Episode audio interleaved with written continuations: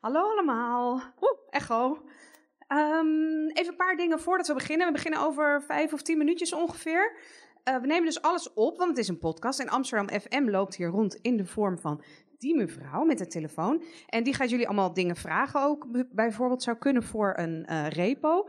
Verder, als jullie straks zitten, zet even je telefoon uit. Of in ieder geval op stil, dat we niet de hele tijd dat er doorheen horen op de podcast. Uh, en, en, probeer ook, want dit is, ik weet niet of jullie het weten, maar in het vak noemen wij een telefoon altijd de eikelschijnwerper. Niet of jullie dat uh, kennen, maar dat is dus dat je denkt, ik kijk stiekem een berichtje en dan heb je zo'n schijnwerper in je gezicht van ja, ik ben totaal niet geïnteresseerd in wat jullie aan het doen zijn, want dit is wie ik ben. Nou, denk even over na of je die persoon wil zijn. Um, verder zoek een plekje, daar kun je nog soep krijgen als je wil. Kost 5 euro, super lekker huisgemaakte soep. Neem iets te drinken, over 5 minuten gaan we beginnen. Tot zo! Ik sta hier in Mesrap en uh, zometeen gaat hier de eerste live talkshow van start met Anke Lateveer en Anousha Zoemen. En ze hebben als gast Martine Sandifort. Nou, iedereen kent haar natuurlijk. En ook de andere beide dames. Ik denk dat u ze wel eens gezien of gehoord hebt. Zij gaan een uh, live talkshow maken en het thema is schaamte. Nou, ontzettend spannend natuurlijk. Want ja, waar uh, schaam je je nou voor? Ik kreeg bij binnenkomst kreeg ik al meteen een papiertje in mijn handen gedrukt. En daar moest ik op vertellen waar ik me nou voor schaamde. Nou, daar moet je toch wel even over nadenken. Want ja, waar je je voor schaamt, dat verdring je natuurlijk het liefst zo snel mogelijk. Dus uh, ik ga eens even vragen aan deze mevrouw. Die staat ook heel erg te schrijven. Waar schaamt u zich voor? Over, ik schaam me voor heel veel dingen. Vooral dat ik vaak te luidruchtig ben of uh, ongepaste dingen zeg. Soms flap ik dat eruit. Ja, dat komt voor. en dat vind je om, om je voor te schamen? Ja, soms schaam ik me daar wel voor, ja. Als je dan de reactie van de ander ziet en je denkt van... oh, mijn humor komt niet helemaal aan, dan uh, schaam ik me wel. Ongemakkelijke stiltes. Ja, juist dat, ja. ja. nou, ik ben benieuwd wat we zo meteen nog allemaal te horen krijgen. Ja. Heel, heel spannend, heel nieuwsgierig. Goedenavond. Hoe komt u hier verzeild? Nou, ik luister graag naar podcasts. En ik was vorige week in de buurt van de Dag voor de Vrouwen naar een avond gegaan over vrouwen en podcast. En toen werd dit aangekondigd. En toen dacht ik, hartstikke leuk. Ik ben zelf ook vorig jaar met een vriendin een podcast begonnen. En die heet Irrationeel Ritueel. En uh, ja, we vinden het sowieso leuk om te zien hoe andere mensen het doen. Dus... En het thema, schaamte? Ja, dat vind ik echt heel erg leuk. Ja, ik moet wel echt even nadenken, want we hebben nu een opdracht gekregen om na te denken over het moment dat we ons doodschaamden. Ja, moet ik wel even over nadenken, maar ik ben wel benieuwd. Uh, ja, dat zijn de momenten die het liefste verdrinkt, hè? Ja, precies. ja. Ja, ik moest ook even nadenken hoor. Ja. Maar ik ben benieuwd wat we allemaal te horen krijgen. Ja, zeker. Ja. Het thema spreekt me aan, dus dat het een podcast is voor outcast en andersdenkenden. En ja, ik vind dat soms in Nederland dat we te normaal bezig zijn. Dus uh, ik ben hier wel enthousiast over. Nou, we gaan het horen. Dankjewel. Volgens mij hebben we hier de gast van vanavond. Martine Sandyvoort. Waar schaam jij je voor? Met, met een volle mond. Oh jeetje. Waar schaam ik me voor? nou, daar ga ik misschien straks iets over zeggen. Ik, uh, ik, ik, uh, jeetje, je overvalt me een beetje. Moet ik, dat, moet ik dat nu allemaal al gaan vertellen, prijsgeven? Ik, ik, ga dat straks toch allemaal zeggen. Oké, okay, dan wachten we dat nog even af. Oké, okay, eet smakelijk. Nou, het loopt lekker vol hier. Lekker muziekje. Er zit een mevrouw achter een pan soep. Dag mevrouw, mag ik u wat vragen? Wat voor soep heeft u? Kruiden, bonen, pasta. En dit is linzensoep. Welke wilt u? Nee, ik heb net gegeten. Dus, uh, maar het ziet er heerlijk uit. Heeft u het zelf gemaakt? Ik doe deze. Als je rust kruiden, bonen, pasta. Mijn man hier linzensoep. Papa van Sahan. Ik ga eens even vragen aan een van de dames. Uh, wat verwacht je ervan vanavond? Ja, ik denk dat het super leuk wordt. Langzaam loopt het nu een beetje vol. En eh, ja, we gaan een aantal zeer gênante dingen vertellen. Ik denk dat het heel leuk wordt. Nou, ik ben ontzettend benieuwd. We gaan luisteren. En eh, wat doe ik met het papiertje wat ik heb ingevuld? Geef je mij? Dat geef ik aan jou, ja? Ga ik straks volkomen anoniem voorlezen. Oh, dan ga ik me heel erg schamen. Ja, dat. Dan kan je natuurlijk alleen van Vragen. Wat heb jij met het onderwerp? Schaamte. Ehm, ja, goede vraag. Ik wil mezelf eigenlijk altijd zien als een persoon die zich niet zo snel schaamt voor dingen. Ehm, ja, daar moet ik echt even over nadenken, over wat dat, wat dat voor mij betekent. Nou, misschien kunnen ze ons zo meteen wat aanwijzingen geven, ja. Nou, ik ben Ik zal het je zo nog een keer vragen. goed. Lieve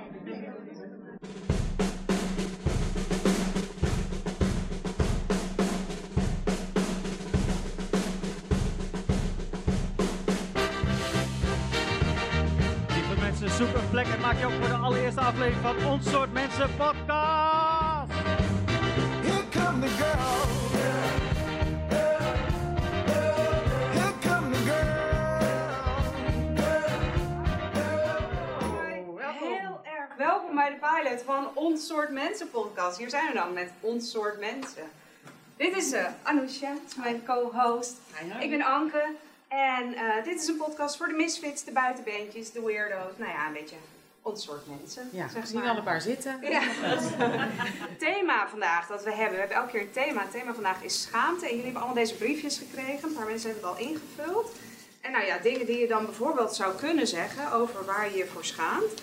Is, ehm, ik schaamde me dood toen ik laxeertabletten genomen had. Die op mijn nieuwe werk tijdens een vergadering zich aandienden. ik las er een pauze in en toen ik terugkwam vroeg de voorzitter met een grijns. En, gelukt? En een andere is, eh, ik schaamde me dood toen het lampje in de sauna stuk was en ik iemand in zijn kruis greep. Ja, het ligt een beetje aan in welke sauna je bent natuurlijk. Zijn sauna's waar dat precies de bedoeling is. Ja, precies. Niet eh, overal. Deze twee sluiten eigenlijk heel erg goed aan op waar we het ook verder over gaan hebben. Want eh, wij hebben onszelf ook een beetje een uitdaging eh, gegeven. Eh, ja, Anke heeft zichzelf een uitdaging gegeven om iets te doen waar ze zich heel erg voor schaamt. Hoe is het Beetje gelukt? spijt. Wat? Beetje spijt. Beetje spijt? Ja. Oké, nou dat ga je straks met ons delen. En ik ja, ga ook natuurlijk, een, ja, wat ook een uitdaging is, echt een heel groot schaamtemoment. Met jullie voor het eerst ga ik dat hardop eigenlijk vertellen. Ga ik met jullie delen. Dus ja, dat wordt ons thema. Nou, zoals we, hè, we zijn hier bij Mesrap. Eh, nou, welkom allemaal. Ik wilde ook nog even zeggen dat we dus worden uitgezonden ook door Amsterdam FM. En er is, een, eh, is iemand van Amsterdam FM is er. Die gaat straks misschien nog vragen aan jullie stellen. Kan anoniem. En eh, nou, er is lekkere soep straks in de pauze. Nou, drankjes bij de bar. En het is ook heel fijn als je wil, als je doneert voor geweldige Mesrap hier. Nou, hartstikke welkom dus nogmaals. We gaan beginnen. Hè? We, hebben een eh, fantastische gast. Ze zegt zelf dat ze zich voor weinig dingen schaamt. Dus wellicht kunnen we inderdaad daar heel veel van leren. Of misschien krijgen we er toch nog wat uit. Mag ik een applaus voor? Nou, jullie kennen haar als waanzinnige cabaretière, actrice, als Dr. Corrie, als Martine Sandyvoort. Je kan lekker daar op de bank. Als je dan wil liggen, kan het ook nog. Ja.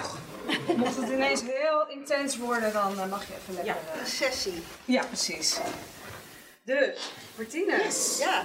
Wat is jouw allergenantste moment ooit? ja, als je dat zo zegt inderdaad, van nou die schaamt zich bijna nergens voor. Nee, nou, nee, dat is ook niet helemaal waar hoor. Nee? Nee. Wanneer voor het laatst? Heb je, heb je vroeger iets voordat je zeg maar inderdaad ook ging performen en optreden, dat, dat, dat je nog wel dingen misschien gênant vond? Nou, ik, ik, ik wil wel wat zeggen over schaamte op het toneel. Ja. Daar had ik het met Anke vanmiddag nog heel even over. Dat, dat, dat is wat anders. Dus spelen, helemaal losgaan in een personage, dan durf ik echt heel veel. Maar als Martine is dat toch weer een beetje een ander verhaal. Ja. En eh, dus het schaamteloze wat ik wel op het toneel kan hebben, of een televisiepersonage, dat, eh, dat is in, in, het, in het echte leven toch eh, ja, Ja. wat gereserveerder vaak. En vind je dat ook want je wordt neem ik aan heel vaak herkend. Ehm, Kennen jullie me? ja. Ja? Nee, ik ben niet zo heel vaak herkend. Ook niet door kinderen die dan, Dr. Ja, Corrie! ja, wel. En is dat niet wel eens, heb je dat niet wel eens ergens meegemaakt dat je denkt, nee niet nu, ik sta in een bedrijf van een gynaecoloog of zo, ik zeg maar wat. Dat dan drie Ineens opkijkt op zijn Corrie? Dat zou dan wel weer leuk zijn. Ja, ja. Eh, ik vind het bij kinderen eigenlijk altijd leuk. Ja. Dat is bijna altijd leuk. Ehm, heel ontwapenend, heel, nou ja, het cliché, maar dat is gewoon wel zo. Dat, dat, dat, eh, bij volwassenen, eh, ja, je hebt ook een categorie wat minder begaafden, die je soms opeisen. Ik weet nog wel, na, na kopspijkers een keer stond ik gewoon met familie, daar speelde ik in, ja, we- gewoon eh, na afloop lekker drin- drinken en eh, praten met, eh, met eh, bekenden. En toen kwam er iemand zo naast me staan, te veel ook in mijn. Cirkel. Ja. Hoi, eh, wil je nou ja, vragen allemaal stellen? Ik zei, nou, liever nu even niet. Ja. Ja, maar dat kan toch niet, want jij bent actrice, dus dan moet je dat eh, zeggen nu. Ja. Zo. Een beetje als Twitter, zeg maar. Ja. je bent hier, dus je moet antwoord Ja. geven. Ja. Ja, ik blok je nu. wil je dat Ja. En heb je ook wel eens, ik heb wel eens, ik weet niet of jij, Anke, dat mensen hebben vaak bij mij van, eh, waar ken ik jou nou van? Die, die vind ik ook altijd heel erg gênant, want ik wil niet mijn hele cv gaan oplepelen. Meestal denken mensen toch, nee, je zat gewoon op die en die school bij mij, of je werkt in die en die bakkerij. Heb jij dat wel eens Ja, meegemaakt? wel- welke ik heel leuk vind is, eh, jij bent toch een bekende Nederlander? dan zeg ik soms, ja, zo bekend dat jij me niet kent. Ja, ja, precies. Maar ja, de- of, eh, kom nou, kom, waar ken ik je van? Maar bijna ook soort van, Ja, hallo, hallo. Dat jij dan alles op gaat doen. Nou, ik heb wel één keer gehad, toen zat ik nog bij Comedy Train. Toen had ik echt net opgetreden, zeg maar, voor de pauze. En zo na de pauze kwam iemand naar me toe en die zei, oh, ik ken jou ergens van, ik ken jou ergens van. Denken, denken. Sta jij hier achter de bar? Die is het fijn. Ja, alleen als ik Ja. me echt, eh, ja, Ja, weg wil eh, van jou. Jij bent Maxima, hè, of van eh Kopspijkers. Dat was ik dan een tijdje wel, maar ook niet. In ieder geval, ik ben met Ellen Pieters nog wel eens eh, Oh, jullie duo verwisseld. Ja. Ook namens zo sowieso, dat ze zeiden, nou ben je de koningin? Speel je de koningin? Nee, ik... oh, dan speel je... Nee, ook niet. Ja, oh, ja. ja, dat heb ik ook. Mensen denken altijd, ik weet niet op wie ik lijk in Sesamstraat. Ik denk, Gerda Havertong, daar lijk ik toch op. Mensen komen altijd bij met Sesamstraat of met het Jeugdjournaal. En dan Oh, ja. Sesamstraat denk ik, nou de enige op wie ik echt lijk is Hakim dan nog. daar lijk ik het meest op. Maar Ik dacht dat je in de mini zat. Ik, eh, ja, of in die Winia Pino. Ja. Zit jij niet in Pino? Leuk dat je dat ziet, ja. Maar goed, maar wanneer schaamde je, dat heb je ons nog steeds niet verteld, Nee. een schaamtemoment van jou? Ja, dat was, nou, ik moest, eh, ik moest denken aan vroeger. Dat ik, eh, ik was net eh, puber, was denk ik 16 zoiets. Ik denk dat ik iets lieg nu over de leeftijd. Ik denk eigenlijk dat ik iets jonger was. Toch? Als ik heel eerlijk ben. Ja. Ik denk 15 ja, toch. Nou, ik was ja. met mijn vriendje, 13, was ja. ik thuis, alleen. En eh, wij, gingen, wij gingen rommelen, zeg maar, op, ja, op zo'n bank trouwens, op zijn leren. Nou. En op een gegeven moment waren wij nakend ook. Ja, er was niemand. En, en, en toen de volgende dag eh, riep mijn moeder me eh, bij haar.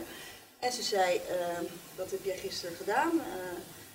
Dus toen had namelijk een vriendin van haar, had door het raam, die had willen kloppen, zo van, joe, en, die had ons gezien, naakt. En die had tegen mijn moeder gezegd, als het mijn dochter was, dan zou zou ik de benen breken. Leuke vriendin. Ja, leuk warm En, en, ja, dus, maar ik vond het ook niet zo leuk achteraf van mijn moeder dat ze dus. eh, Ja. Dus ja, nou dat kreeg ik dus nog. Maar ik vind het niet erg hoor, maar dat kreeg ik wel voor. Vervolgens heb ik die vrouw, die vriendin dus, van, van mijn moeder, eh, over schaamte gesproken. Ja, altijd als ik die tegenkwam. eh, oh man, ik durfde haar niet aan te kijken. Ja. En ik dacht, ik dacht ook steeds, wat zou ze precies, welk moment zou ze-? Ja. Dat hij me aan naal... Nee, maar... Nee, dat was 16. Dat was met 16. Ja, nee, dat, denk ik, ja, dat doe ik pas op je 17. Nee, maar, nee, maar dat, was- dat is wel, dat, soort- dat soort dingen, dat, ja, tot op de dag van vandaag kan ik nog wel eens denken, ah, weet je, dat zij gewoon echt voor dat raam heeft gestaan. Ja, en hoe lang, hè? En hoe lang? Ja. Oh. Maar hoe heb jij, dus wat kunnen we van jou leren dan over jouw schaamteloosheid? Of is dat echt alleen op het podium? Ja, wat is schaamteloos eigenlijk, hè? Ja. Ehm, een beetje grenzeloos, schaamteloos, jezelf durven laten gaan, dat durf ik, eh, dat durf ik wel behoorlijk op het podium, denk ik. Ehm, ik zelf koppel dat misschien ook wel een beetje aan dat ik vroeger thuis echt heel erg de vrije opvoeding mocht alles. Ik mocht lul tegen mijn vader zeggen, weet je wel. Als ik, als ik niet met hem eens was. Want waar ben je opgegroeid? Nunspeet. Dat is toch niet Daar schaam ik me ook voor. Ja, als we het toch over schaamte hebben, dan moet je misschien daar even. Maar dat is ook niet bekend als toch een soort... Nee, maar wij waren de enige verwilderde tuin met een zitkuil tussen alle perkjes. En zondag was het dus ook echt allemaal hoedjes en zo. En wij niet. En jij die Dus ja, ik lag sowieso lag er al een beetje uit. Ik ben ook gepest en zo. Nee, maar ik dat Ja. zal daar absoluut Maar hoe kwamen je ouders dan, ik even nog, dan, waarom gingen je ouders daar dan wonen? Als Omdat mijn vader werkte op een jeugdinternaat in Nunspeet. Ah, Ja, dus hij- want van baan was hij psychiater of wat was hij? Groepsleider. Oh ja. Ja. Met zo nog roken op de groep en een baard. Man, als je inderdaad Ja, toch? Ja. foto's ken jij het uit ervaring, of niet? Ja, mijn vader was ook zo iemand. Ja, man. En we mogen allemaal Jan zeggen. En, Ja, precies. Jan Lul, ja. Ja, Klopt, ja. ja. ja. Klaar En ze. inderdaad, is allemaal van die halflange haren en roken op de groep. Ja. En, eh, in de klas. Nee, ik, Ja. ben, ik mis, ik zei dat laatst mijn dochter over, die is 14, zei ik, ja, ik vind het zo jammer, het is zo'n andere tijd. Ik weet nog, wij gingen dan eh, met onze klas filosofie weekend en dan leren, weet ik veel. En mensen die geen filosofie hadden, mochten ook gewoon mee, gezellig. En ik weet nog, we hadden zo hard gewerkt, er kwam gewoon een leraar, ik kwam gewoon binnen om vier uur. Hé hey, jongens, je hebt zo hard gewerkt, wijntje? Nee. maar we echt 16, 17. Compleet normaal ouders, ook geen toestemming van de ouders. Ik kan me niet eens herinneren dat mijn moeder überhaupt ja of nee zei. Ik ga dit weekend mee met iedereen, we gaan een filosofieweekend of zo. Dat is nu echt niet meer, hè? nee. Dus ik weet nog dat, ik, hoe ik het weet, ja, via mijn vader waarschijnlijk, dat er iemand op de groep, een meisje had gezegd, eh, ik wil gewoon met je neuken, Jan.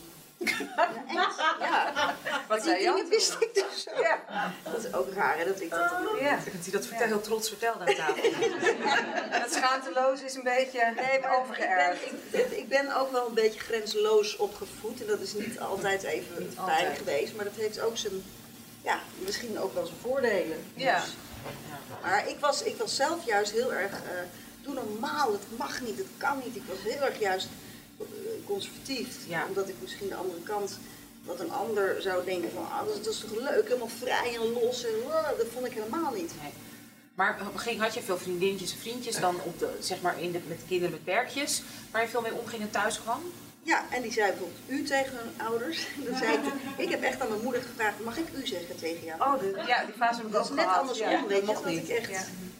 Nee, heb je ook zo'n fase gehad dat je ook dan... Nee, dat je ook je ouders bij hun voornaam moest noemen? Ja, Dat, ik ja. heb nooit mama en papa gezegd. Oh ja, nee, ik, uiteindelijk heb ik dat er wel doorheen gekregen. Maar dat was... ja. Nee, ik zeg nu wel ma en pa. Oké, ja. Ja. Ik vind het ook heel erg. Of zijn ze daar inmiddels... eh, kunnen ze daarmee dealen Ik, nu? ik- trouwens, ik heb hun ook een keer betrapt gewoon op de gang. Op gang? Dat is wel, dat vind ik nog wel. Ja, het schiet opeens. Vertel! Dokter Corrie slaat door even. Nee, ja. Nee, ja, ik weet nog als, kind, hoor. als kind inderdaad, ik kwam te vroeg thuis. Zeg maar, dat, dat was niet de bedoeling. En, en ik weet nog dat zij alle twee de, ja, de kleren op de, de knieën, zo, ja. en eh, wow, weet je wel. Dat is niet de bedoeling. Ja, dat, eh, ja. Nou ja, verder toen? weet ik het niet. Eh, ja, ze gingen gewoon door. Nee, maar we moesten over gepraat of we moesten juist In de over... Jullie Echt ook waar? Nee, nee, hadden we niet. Nee, ja. nee, wij praten sowieso niet tegen elkaar. Oké, Zo min mogelijk. Lekker makkelijk. Ja, nee, zeker. Maar dan gingen jullie in de zitkel- zitkelder daarover te praten? Of? Ja, we hadden wel, nou ja, inderdaad, dat soort vergaderingen en zo. Maar ik heb inderdaad, mijn vader heeft op een gegeven moment ook gezegd, ja, ik ben verliefd op de, op de, op de vriendin van jouw moeder, van, van, van mama. Hoe moet ik nou? Weet je, veel te veel Bij delen, weg, veel ja. te veel, ja. eh, dus schaamteloos, grenzeloos. En dat heeft nogmaals twee kanten. Mijn vader is gewoon een heel leuk, groot, klein kind, nog steeds. Zijn ze nog samen? Nee, nee. Is hij met de vriendin van je... Nee, Oh, ook nee. niet. Nee. Maar wel met de vriendin van die vriendin. Waar een verjaardag al niet toe kan leiden? Ja, ja. ja. En, en heeft het effect gehad op, op, op hoe jij in relaties staat? Want, eh, ben je, heb je Welke relatie? Ja, want heb, je hebt nu geen... Je hebt een hond in ieder geval. Wat zeg je? Je hebt een hondje, Nippie. Ja, ja. Dus dat is in ieder geval een band. Dat is iets, hè Martine? Dat Je is hebt wel, je hebt gewoon een punt. Ja, ook Ik heb ook heus wel iets. Ja, nee, ik, ik, ik, ik, eh, ik heb geen relatie, nee, maar ik, heb ze wel gehad. Ja. En ook, Maar heeft jouw jeugd en die vrijheid of die schaamteloosheid van je vader of je ouders... heeft dat effect gehad op jou, eh, jouw keuze in, voor mannen, voor de relaties? zo ongetwijfeld, ja. Ja, ik, het wordt een beetje psychologie, maar ik, ik, ik ben heel goed in het eh, uitkiezen, was heel goed, verleden tijd eh, praten. Ik was heel goed in het uitkiezen van mannen die eigenlijk niet zo beschikbaar waren. Ja, ofwel beschikbaar waren, maar niet, die echt niet, niet leuk genoeg waren. Maar voornamelijk eh, heel, heel goed in, eh, ja, die, die eigenlijk gewoon niet beschikbaar zijn. Ja. En ik kan daar wel een link naar, naar, naar een lijntje leggen, zeg Ja. maar. Ja. Voelt u hem? Ja. Nee, ja, ik, dat, dat, ik, ehm, ja. In die end, ja, dat klinkt misschien heel dramatisch, maar ik, ik, ik, ik vind, het is niet een soort onvoorwaardelijk gevoel geweest vanuit, vanuit vroeger van, eh, die zijn er altijd en eh, die zijn altijd beschikbaar. Ja. Ja. Die hadden ook namelijk heel erg te stellen met hun eigen eh, Gedoe. gedoe. Ja. Ja, dat is, dat is dan eens van de koude grond even wat ik nu. Maar dat valt me wel op. Ik denk, daar, dat- ja. Dat vind ik dan allemaal heel spannend vaak. Maar ja, het- het- het- je koopt er helemaal niks voor uiteindelijk. Als het gaat over relaties dus. Ja. Of ik neem een super lieve. Neem. of ik neem een super lief iemand. Nee, komt op mijn pad waar ik super ook gevoelig voor ben. Omdat hij heel zorgzaam Wordt voor je gezorgd, ja, precies. Maar Vind je het dan saai? Of? nou ja, dat is, dat is niet gelijkwaardig. Dat is niet. Je moet eigenlijk twee. Ja. Eén om tegenop te kijken en één die voor je zorgt. Ja. Ja, polyamorie, dat is toch wel nu het ding. Ja. Kennen jullie dat? Ja. Ja, ik heb Ja? nou, nu in- voor het eerst nu een monogame relatie. Maar het is echt voor het eerst. En, Dus jij weet niet beter dan. nou ja, nu dan? dus. Maar ja, ja nee, het, het ging altijd prima. Ik heb, gewoon- het is gewoon Geen heel... jaloezie, geen- Ja, nee, natuurlijk voel je wel eens jaloers. Maar daar kun je dan gewoon mee leven of over hebben. Of, eh, ja, dat ging echt prima. Nou, ik, ik ben er altijd wel een beetje benijd dat wel eens. Maar ik weet niet of ik het kan zelf. Probeer het. Te jaloers, denk ik. Ja? Ja. Nou, moet ik wel zeggen dat, ik wil iets- dat exclusieve wil ik denk ik toch. Ja, ik had ook wel heel vaak de luxe positie dat ik degene was met meerdere partners. en dat de partners allemaal. Ja, maar het is gewoon heel veel van mij. Dus als je één van mij hebt, heb je eigenlijk alles al. Ja. Dan ben je al helemaal van nou. even, weet je, Zo kan ik niet het even ook, rust. Ja. En Oh, die wil die mij. Ja. Ja, maar goed, dat werkt dus voor iedereen heel goed. De relaties zijn allemaal voorbij, maar in principe werkt dat heel goed. Maar het monogame van nu is ook eh, heel aangenaam. En heus niet alleen omdat hij hier is. Nee, precies. Nou, misschien eerst maar eens proberen met één. Ja. Dat het een tijdje lekker loopt. Maar wil jij, wil jij nog, hoop jij nog de grote liefde te vinden? Ja. Ja, en de- dat, daar heb ik ook wel vertrouwen in. Tuurlijk. Nee, ik vind die nog veel te een lang. beetje een, eh, een ingewikkeld. Oh, sorry. Denk, denk je dat het nog... eh Gaat het ja. Lijkt me wel, ja. Nou, daarover gesproken, over nog iemand vinden. Ik zou even nog een leuke voorlezen. Ik scha- dus van iemand van het publiek. Ik schaamde me dood. Eh, eh, wacht even hoor. Oh ja. Eh, dat we naar, ja, ja, toen we na, te, na een date met mijn vriend, dat is mijn nu vriend, ik wilde appen dat ik de date heel erg leuk vond. En het eerste berichtje wilde ik even oefenen, eh, zonder internet dacht ik. Alleen stond het dus wel aan en heb ik dus gewoon achter elkaar, dus twee net iets andere berichtjes achter elkaar naar hem gestuurd. Dat hij dan antwoordt versie A. Ja. Dat eh, Ik heb een vriend en die heeft ooit in, in een kroeg s'nachts eh een kusje geappt naar zijn hypotheekadviseur. Ja, dat was de H van Henk moest hij hebben en dat was de H van hypotheekadviseur. Oh shit, hij is al weg. Zijn ze nu samen? Dat. Ja, dat denk ik. Nee, maar dat zaten we te fantaseren. Dat die, die is getrouwd. eh, nou, dat hij zegt, oh, heb jij het ook? Ja. Dat is volle al spanning. Ja. Oh, eindelijk. Jij zegt het nu. Ja. Maar ben je nu aan het daten? Hoe, want inderdaad, nu de dating life is gewoon heel erg veranderd met alweer tien jaar geleden. Ik was enorm aan het daten hoor. Met het, het, het, het tinderen en de weet ik veel wat allemaal. Maar ik, eh, ik heb nu besloten dat het wordt gevonden. Ja. Dat ik niet meer zoek. Ik, heb het, eh, ik word er heel erg eh, gelukkig van ook. Ja. Ik heb best veel ook gedate in levende lijven. Heus wel zijn er wat, eh, wat dingen uitgekomen voor heel even. Maar nee, het, eh, Dus ik ben, ik ben nu inderdaad heel erg in de weer met mijn hond. Dit is in, deze- in deze context een hele vreemde Ja. zin. Ja, heel maar zo moet je wel denken. Ja, nee, oké. Daar schaam ik me ook helemaal niks Wat goed. Nee, nee, maar ik... Toch die opvoeding. Nee, ik... eh, nee, dat, dat is natuurlijk eh, absoluut niet te vergelijken, maar het is, het is, wel, eh, het is wel een focus enorm Ja. met de. Want- Ik kan ook nergens aan toe natuurlijk. Ja, ik neem hem wel, ik neem haar wel, nu even niet, maar Ja. vaak mee. Oh ja, oké. Je moet echt opvoeden, hè? Het is echt eh, een dingetje, ja. Ja, want daar hadden we vanmiddag eh, daar hadden we even gebeld. En toen hadden we het over dat je toch nog een soort van schaamtemomentje had tijdens puppycursus.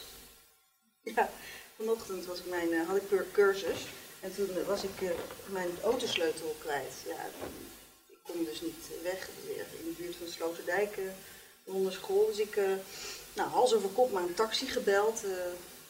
Phoebe heet ze op mijn op op schoot.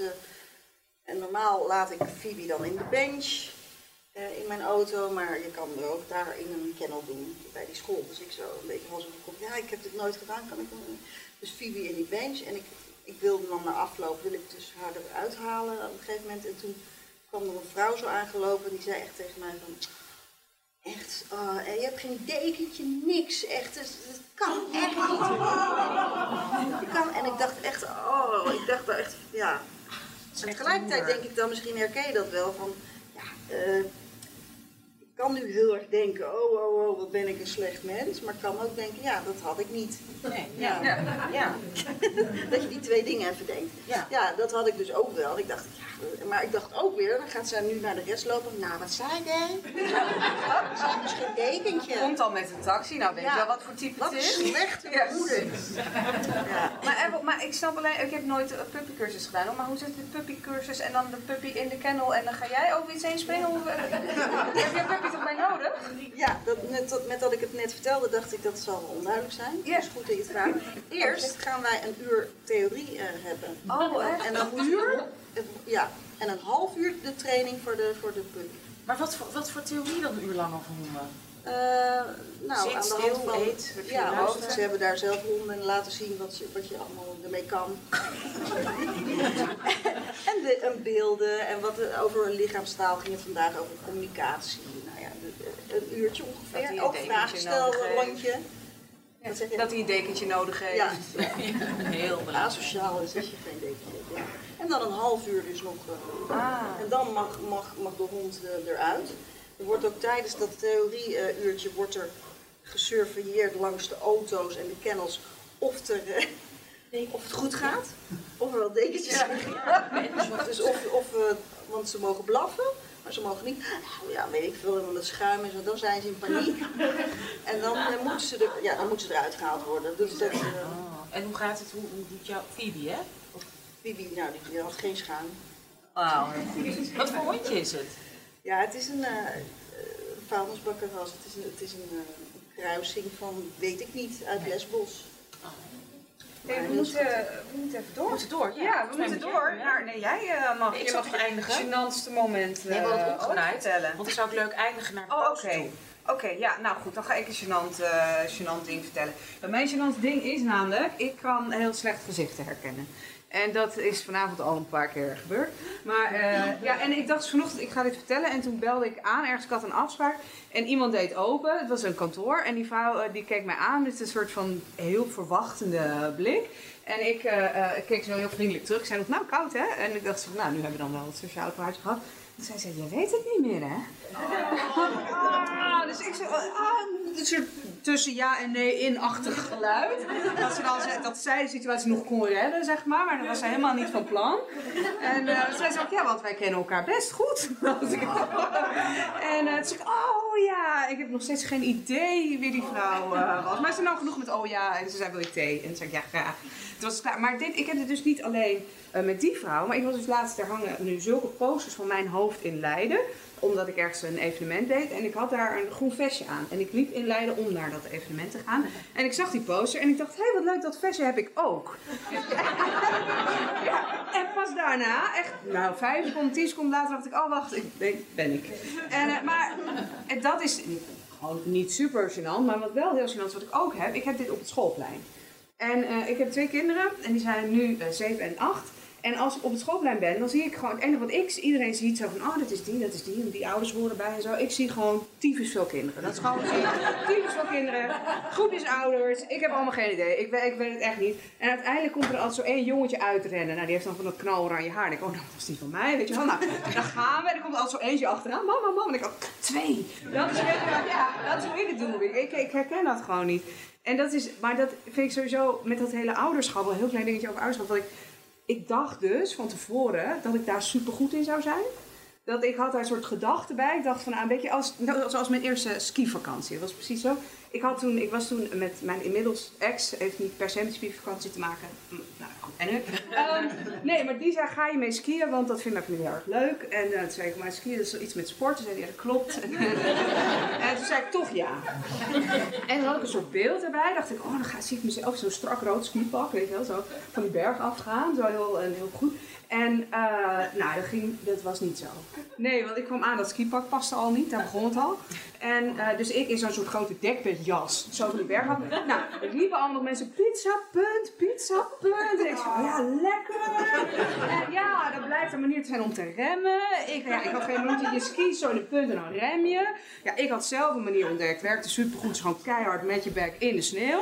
Nou, dan lig je in één keer stil, niks aan de hand. Maar goed, in ieder geval, ik dacht dus, ik kan het heel goed, bleek niet zo te zijn. Nou, nu heb ik die kinderen.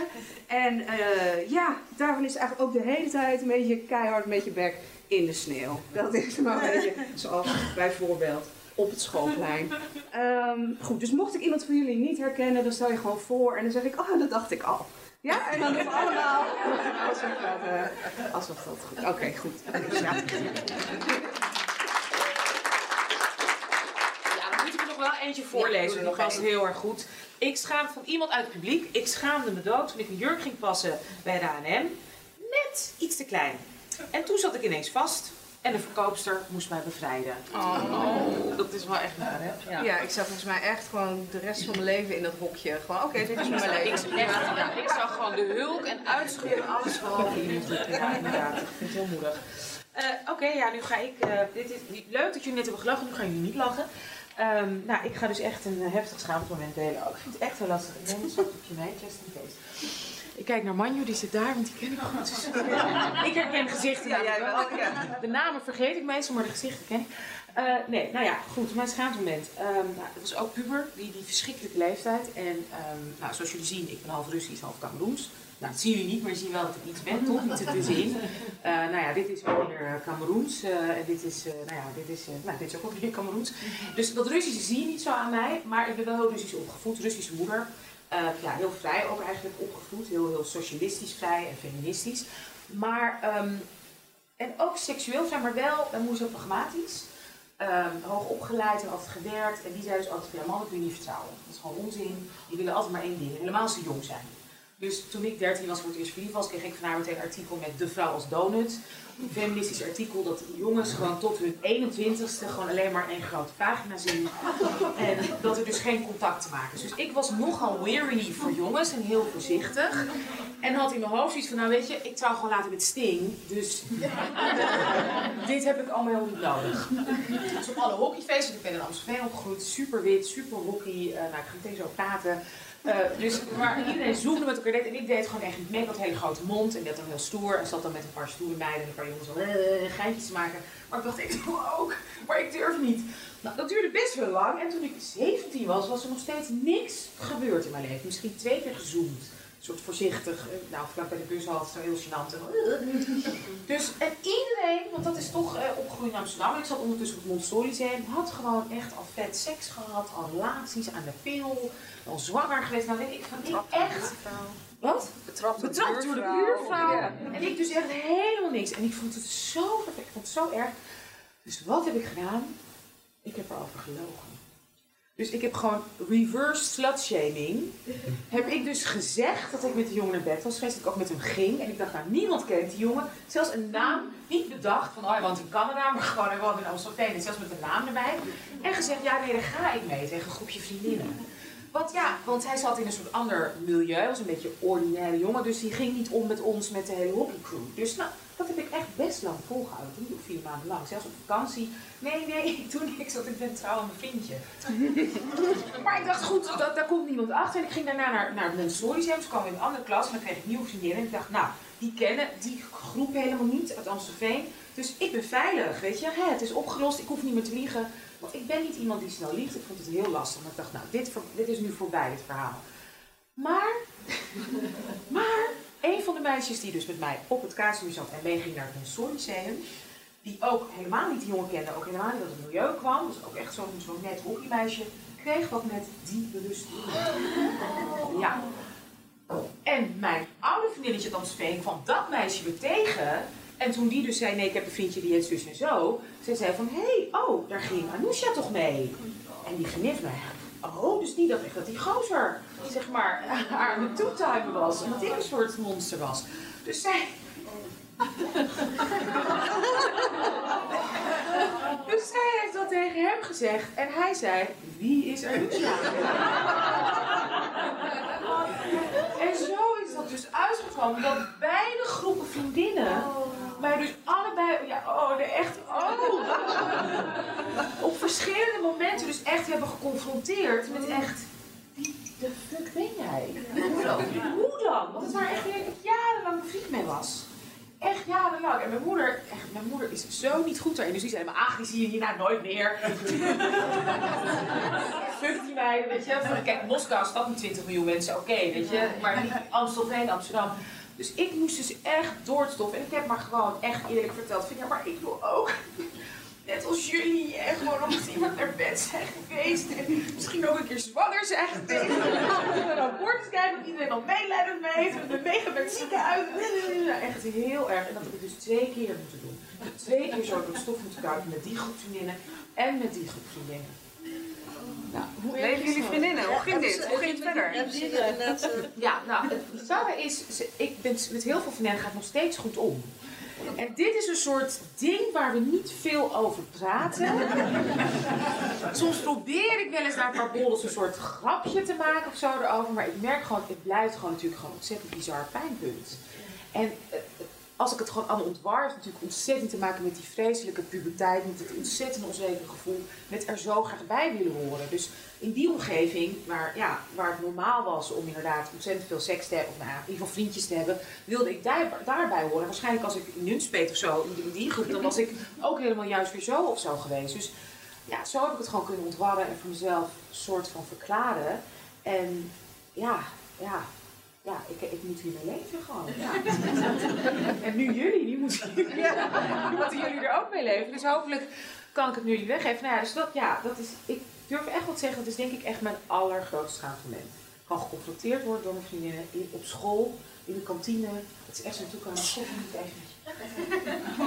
En dat dus zo neerleggen. En toen later met die andere groep vriendinnen echt ergens, ja, op een feestje of zo. Dat ik wist, nu gaat het gebeuren. Want dat is natuurlijk ook op die leeftijd. Het is niet dat je dan gaat bellen en ergens afspreken als je 16, 17 bent. Dan zie je elkaar ergens. En ja, dan moeten we daar nu zo even over hebben. Zo heel heftig. Dus, en wat heel grappig is, ik vroeg laatst een keer aan die ene vriendin die dus wel met die jongen ging. Van god, die gewoon zo in de ronde zien. Nee, hij is echt van de aardbodem verdwenen. Daar heb jij verder niks. eh ik weet niet hoe erg die schaamte was. Ja, nou, ik heb nu één moment gedeeld. Volgens mij is dat genoeg. nou, dat was het. Ja, dankjewel.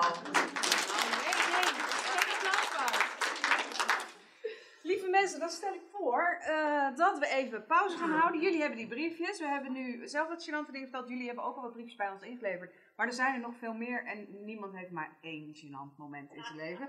Dus eh, vul ze in. En het kan allemaal anoniem en zo. En dan gaan Anousha en ik tegen elkaar zeggen: Zag je wie dat briefje gaf? Maar dat gaan we dan niet hier zeggen. Eh, ga lekker wat drinken. En we zien jullie over een kwartiertje of zo weer terug. Tot zometeen.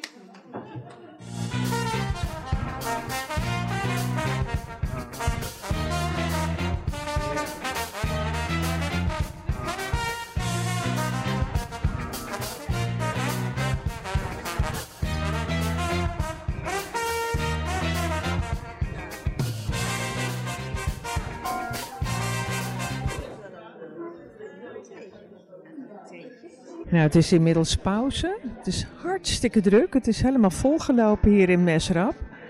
iedereen zit gezellig drankjes te drinken, heerlijke kopjes soep te eten. Dus eh, de sfeer zit er goed in. En het is ook wel een onderwerp wat aanspreekt. Dus eh, dat helpt natuurlijk ook zeker mee. Mag ik je meteen wat vragen? Wat vind je ervan? Dan moet ik nu een mening gaan formuleren. Oh, wat lastig.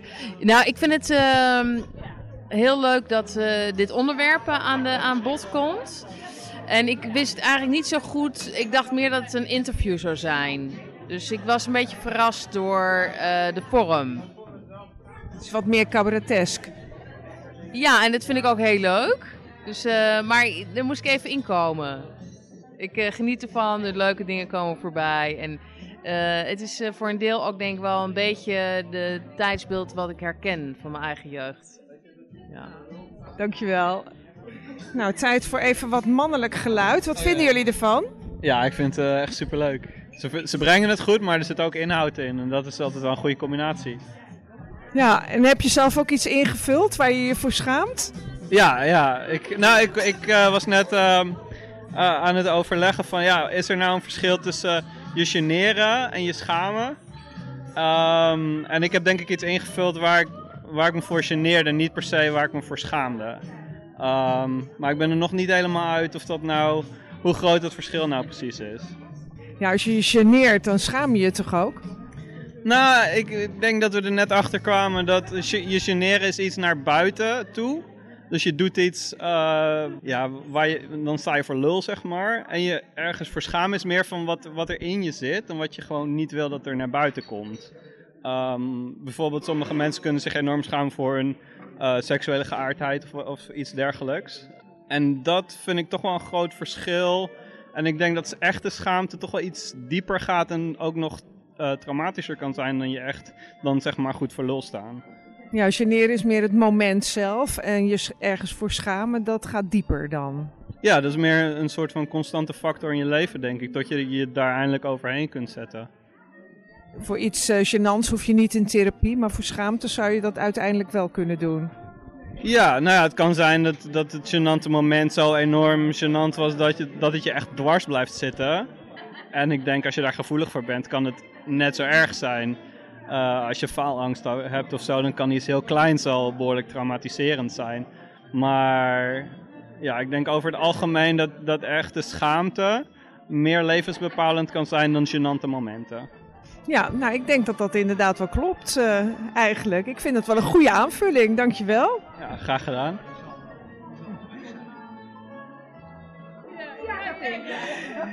Dag Anousha, hoe gaat het? Ja, volgens mij goed. In ieder geval, de sfeer is heel, eh, zit er helemaal in. Volgens mij is het heel gezellig. Ja, ik vind het heel gezellig. Ik sprak trouwens net iemand en die zei van ja, ik ben er nog niet helemaal uit wat nou het verschil is eh, tussen je generen voor een bepaald moment of echt gevoelde schaamte. Nou ja, wat, volgens mij het verhaal dat ik vertelde, wat de luisteraars gaan horen als ze hè, naar eh, ons soort mensen op eh, Amsterdam FM gaan luisteren, is wel echt schaamte. Dus inderdaad, gewoon diep schaamte die ook heel lang doorwerkt, waar ik nog steeds, als ik daar denk, echt gewoon, me, gewoon zwetend wakker kan worden. Of als ik die vriendinnen, waar ik nog steeds mee omga, zie, nog altijd denk ik, oh, ik heb dat ooit gedaan. Dat is denk ik echt schaamte. Gegeneerd is inderdaad, oh shit, weet je, ik, zat, ik, had het, ik scheurde uit mijn broek of zo. Weet je, alle hebben gelachen. Maar waarschijnlijk als het gebeurt tijdens je bruiloft, weet je wel, dan is het schaamte. Want dat is, ja, dat is de belangrijke dag ook uit je leven, zeg maar. Dus het heeft heel erg te maken met tijd en plaats en context, denk ik. Het schaamte of gegeneerd. Ja, dat denk ik inderdaad ook wel. Want eh, ja, we hadden het er net over. ehm, van ja, eh, voor echte schaamte zou je in therapie kunnen, maar iets gênants, ja, dat, dat gaat alweer voorbij. Dat vergeet je op een gegeven moment ook alweer. Ja, dat is waar. En kijk, inderdaad, dat wat, wat mij is overkomen, wat ik zelf teweeg heb gebracht uit onzekerheid. Ja, dat, dat hoort echt bij een soort neurotisch iets van mezelf. Waar ik, wat natuurlijk met nog meer dingen te maken heeft. Qua onzekerheid en wie en wat ik ben. Dus dat, dat hoort wel bij schaamte, ja. En ik, nou, het grappige is, ik ben ook in therapie geweest voor mijn onzekerheid, voor hoe ik in het leven sta. Daar heb ik heel veel aan gehad. Ik moest echt sterker worden. Dus eh, nee, absoluut. Dat is, dat is ook een goede graadmeter. Ja. En inderdaad, ergens iets stoms doen of eh, het laatste koekje pakken en oh, sorry, wat ben ik hebberig, is, is iets anders. Ja, kan je wel heel lang bijblijven, maar het heeft geen effect op je persoonlijkheid. Nee, en geen effect op, rela- ook op anderen en op relaties. En dit had dat natuurlijk wel kunnen hebben. Die vriendinnen hadden ook kunnen zeggen van ja, weet je, sorry, met, met zo iemand kunnen we niet omgaan. dat dat absoluut gekund. Ja. Het is mooi om dat verschil inderdaad te zien. Ja, ja, ja. Dus daarom dacht ik, oké, ik ga echt heel ver nu. En ik, ik deel dit gewoon live met 50 mensen. Ja, ik vind het heel knap van je. Ja. Want ik heb, ik heb dat papiertje ook ingevuld, maar dat is eigenlijk gewoon een gênant moment waar ik wel heel vaak nog aan terugdenk en denk van, oh, hoe heb ik dat kunnen doen? Hoe heb ik dat kunnen zeggen? Ja. ja, het is anoniem, dus ik weet niet wat het is. Kijk maar. misschien, misschien, dat je, het- misschien dat je het herkent. Oké, oké, oké. Ik ga kijken. Dankjewel. Ja, graag gedaan. Zie je twee dames die heerlijk zitten te eten. Ik wil even weten, smaakt het een beetje? Ja hoor. Ja, ik wel. Oké. Wat wil je precies weten? Nou, of de soep een beetje lekker is. De soep is heerlijk. Echt fantastisch. Ja, Celinse-soep en jij hebt? Ehm, bonenpasta volgens mij, maar ik heb hem nog niet geproefd, dus daar kan ik niet zoveel over zeggen. Nou, de mevrouw die het gemaakt heeft, die was er heel trots op. Dus ik denk dat het ook heel lekker is. Ja, En wat vinden jullie van het programma tot nu toe? Eh, ja gaaf. Gaaf ook dat Anousha dat eh ze dan het moment zo durf, of verhaal eigenlijk durfde te vertellen. Dat is wel eh, heel dapper eigenlijk. Dus eh, leuk, ja. Heb je zelf zulke momenten dat je denkt van, oh, had ik dat maar nooit gezegd, gedaan? Ja, met enige regelmaat, maar om nou te zeggen dat ik daar echt voor schaam, eh, dan niet echt. Maar ja, ik denk dat iedereen dat wel heeft. Dat je denkt, oh, dat vloept er eruit. Of onhandig. Of... Nou Ja, daar hadden we het net over. Hè? Er is wel een verschil tussen gênante momenten en schaamte. Ja, denk ik ook. Meer gênante momenten dan schaamte dus? Eh, ja. ja, voor mij wel. Maar ik schaam me niet zo snel. Nee. En jij? Nee, ik ook niet eigenlijk. Maar ik ben behoorlijk een flap uit, zeg maar. Dus ik, achteraf denk ik pas, goh, is dat nou sociaal aangepast of niet? Maar nee, nee, eigenlijk niet. Je bent het wel gewend van jezelf. Ja, dat ik dan, of, of dat ik gewoon een rood hoofd krijg en denk, oh, ik heb weer te veel gezegd. Ja, dus nee, ik, ik denk het niet. Ik denk het niet. Ik denk dat ik gewoon, dat is mijn modus om gewoon soms te denken, oh jee, heb ik weer wat te veel gezegd? Of, of ben ik zeg maar te eerlijk geweest? Dat is het meestal. Nou, ik zou zeggen, eet smakelijk. Dankjewel. Zo, kopjes eraf. Ja, heb je het naar je zin? Ja, heel erg. Ga je, ga je mij nu interviewen? Ja? ik zit nog helemaal in mijn rol als interviewer. Kom lekker op de bank. nou, eh, veel succes. We Ja, gaan zo weer beginnen, denk ik. Yes, hè? ja, ik denk het ook. Ja, dankjewel. Tot zo. Hoe gaat het tot nu toe? Eh, nou, ik schaam me kapot. Nee, nee het gaat goed. Gênante momenten of schaamte? nee, ik, ik, ik schaam me nu niet. Nee, het is eh, in het begin een beetje eh, ongemakkelijk. Maar dat, dat zei ik, van, eh, als ik op het toneel ben, gaat het altijd prima.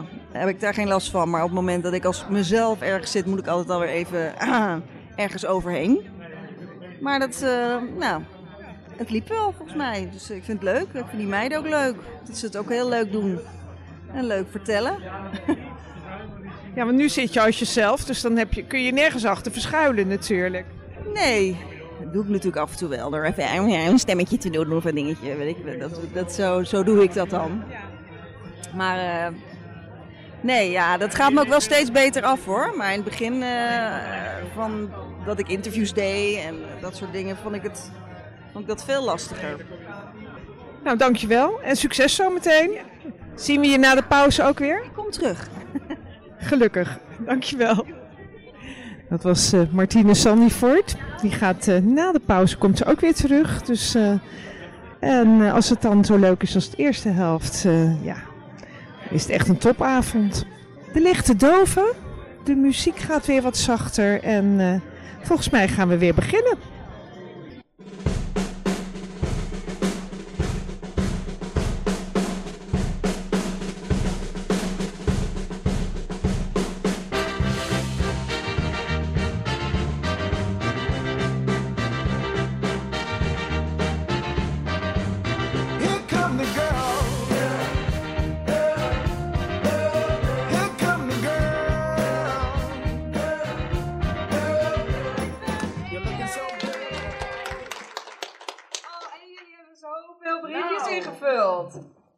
Is nog gênanter dan het andere, mensen. Echt waar. We hebben de crème de la crème binnen, hoor.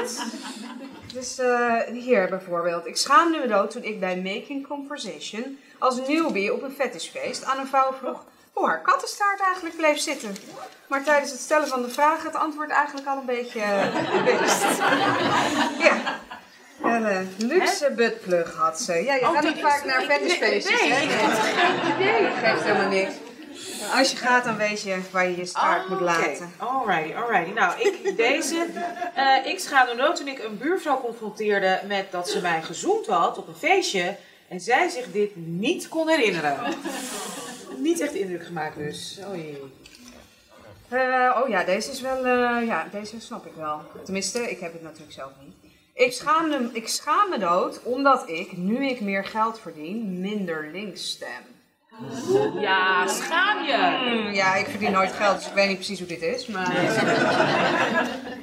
ik zou het nooit... Laat ik het zo Nee, nee. Eh, ik schaamde me dood toen ik, eh, toen ik de eerste... Oh, toen ik in de eerste klas... Wat er verweten werd? Oh, verweten werd... In de eerste klas, nou ja, verweten werd dat ik een oerwoud bleek te hebben. Blijkbaar hoorde je al je lichaamshaar gewoon weg te halen. Wist ik veel. Ik wel zoveel jong. In de eerste klas al. Wow. Heftig. Ja, jij maar denkt over je achtertuin. eh, hè? Het enige verwilderde tuintje in Nunspeet. Nee. Maar, eh, of was dat wat je eigenlijk wilde zeggen? dat weet ik niet. Ehm, ik schaamde me dood toen ik tegen mijn lesbische collega zei, vorige week... Ik wil me voor je uitkleden. De achtergrond, eh, wij zijn beide fysiotherapeut-docent en ik wilde mijn nekklachten laten onderzoeken. Oh. Ja.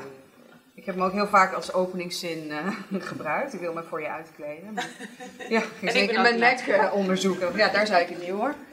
Eh, ik heb er hier één toen ik een collega, ik schaamde dood toen ik een collega waar ik al een paar jaar mee werkte, eindelijk uit durfde te vragen. Waarop die zei dat hij dat eerst met zijn vrouw moest bespreken.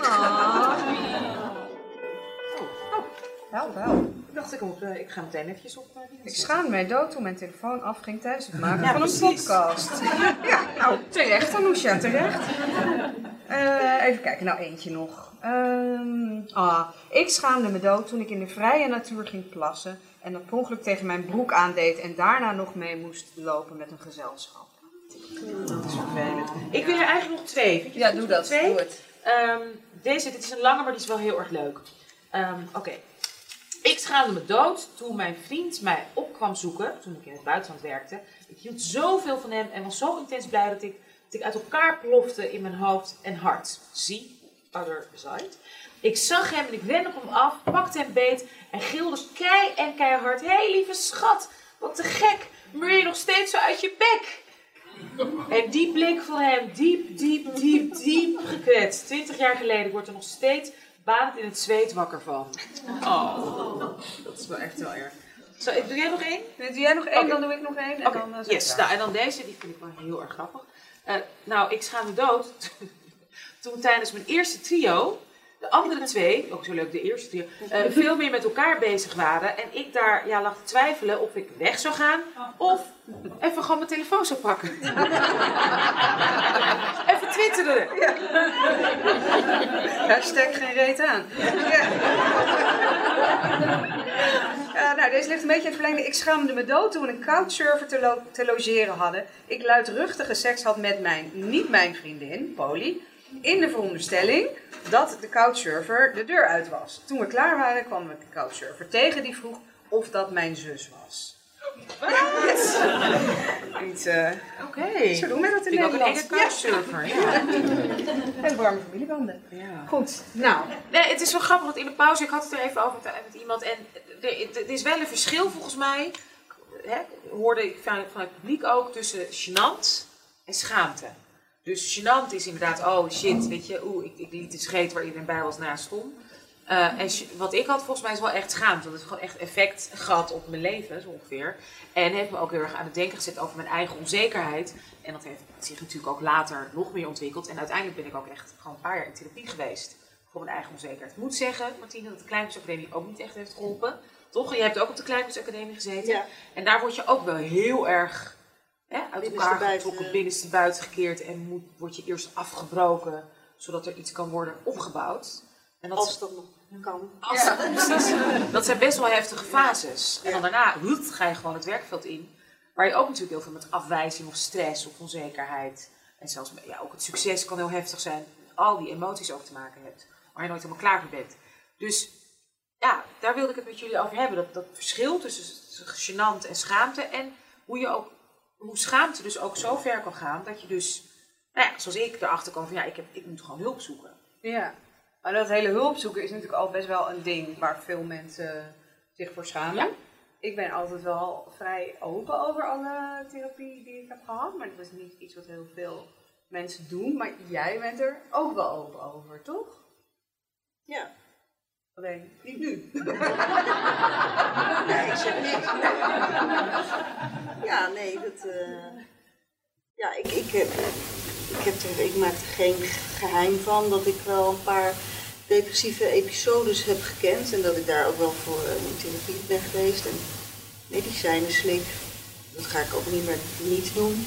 Nee, dan ben je, die zijn er gewoon voor altijd. Ja. Ik heb wel een paar keer geprobeerd af te bouwen, maar het, eh, ja, al is het misschien.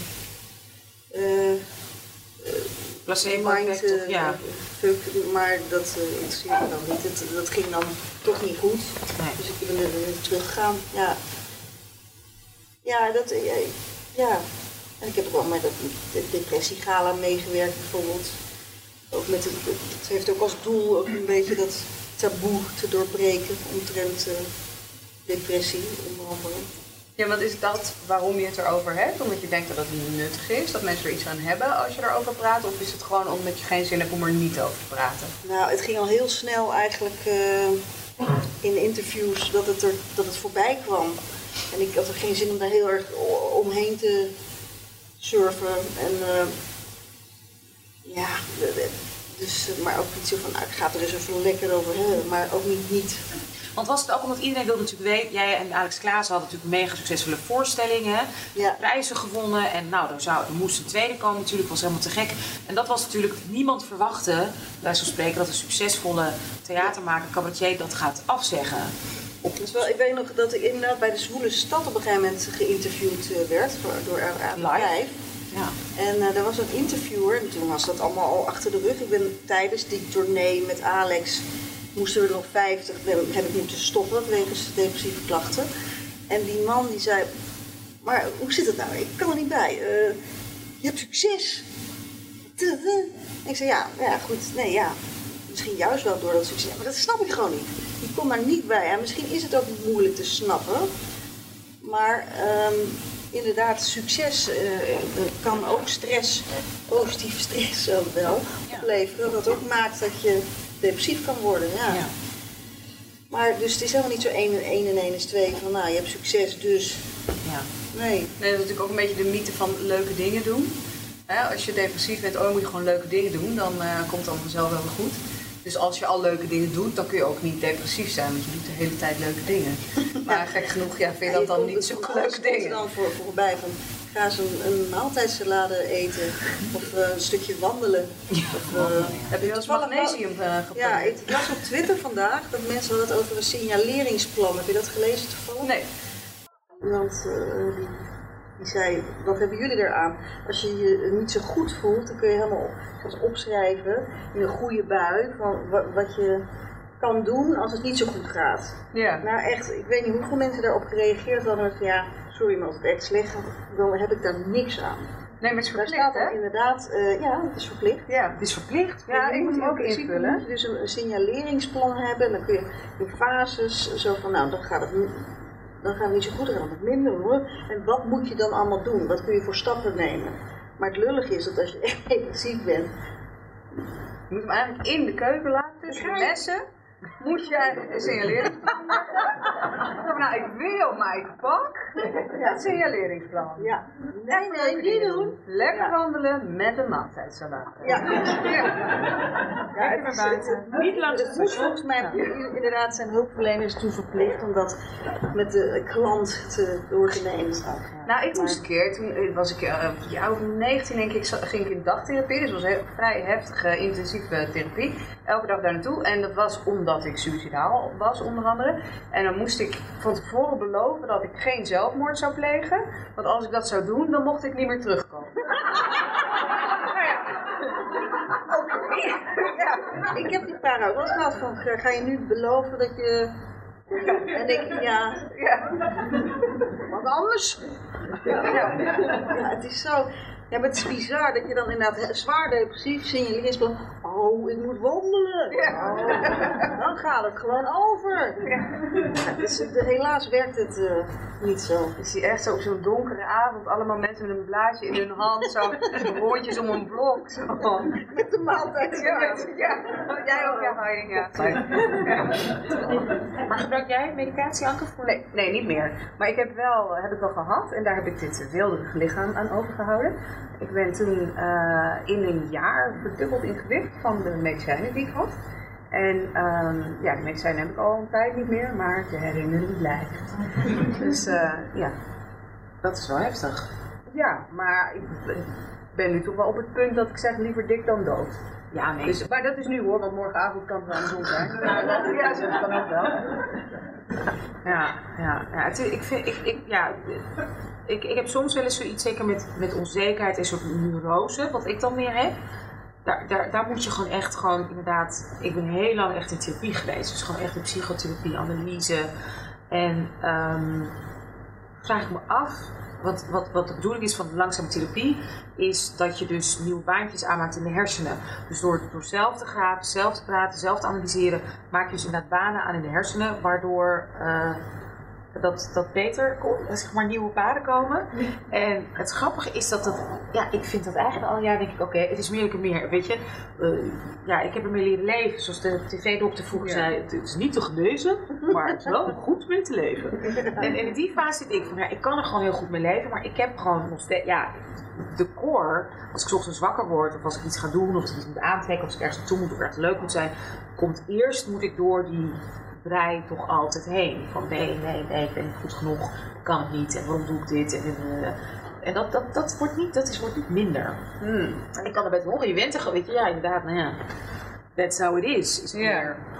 Ja, ja, jouw man is toch psychiater? Ja, mijn man is psychiater. Is dat, ja.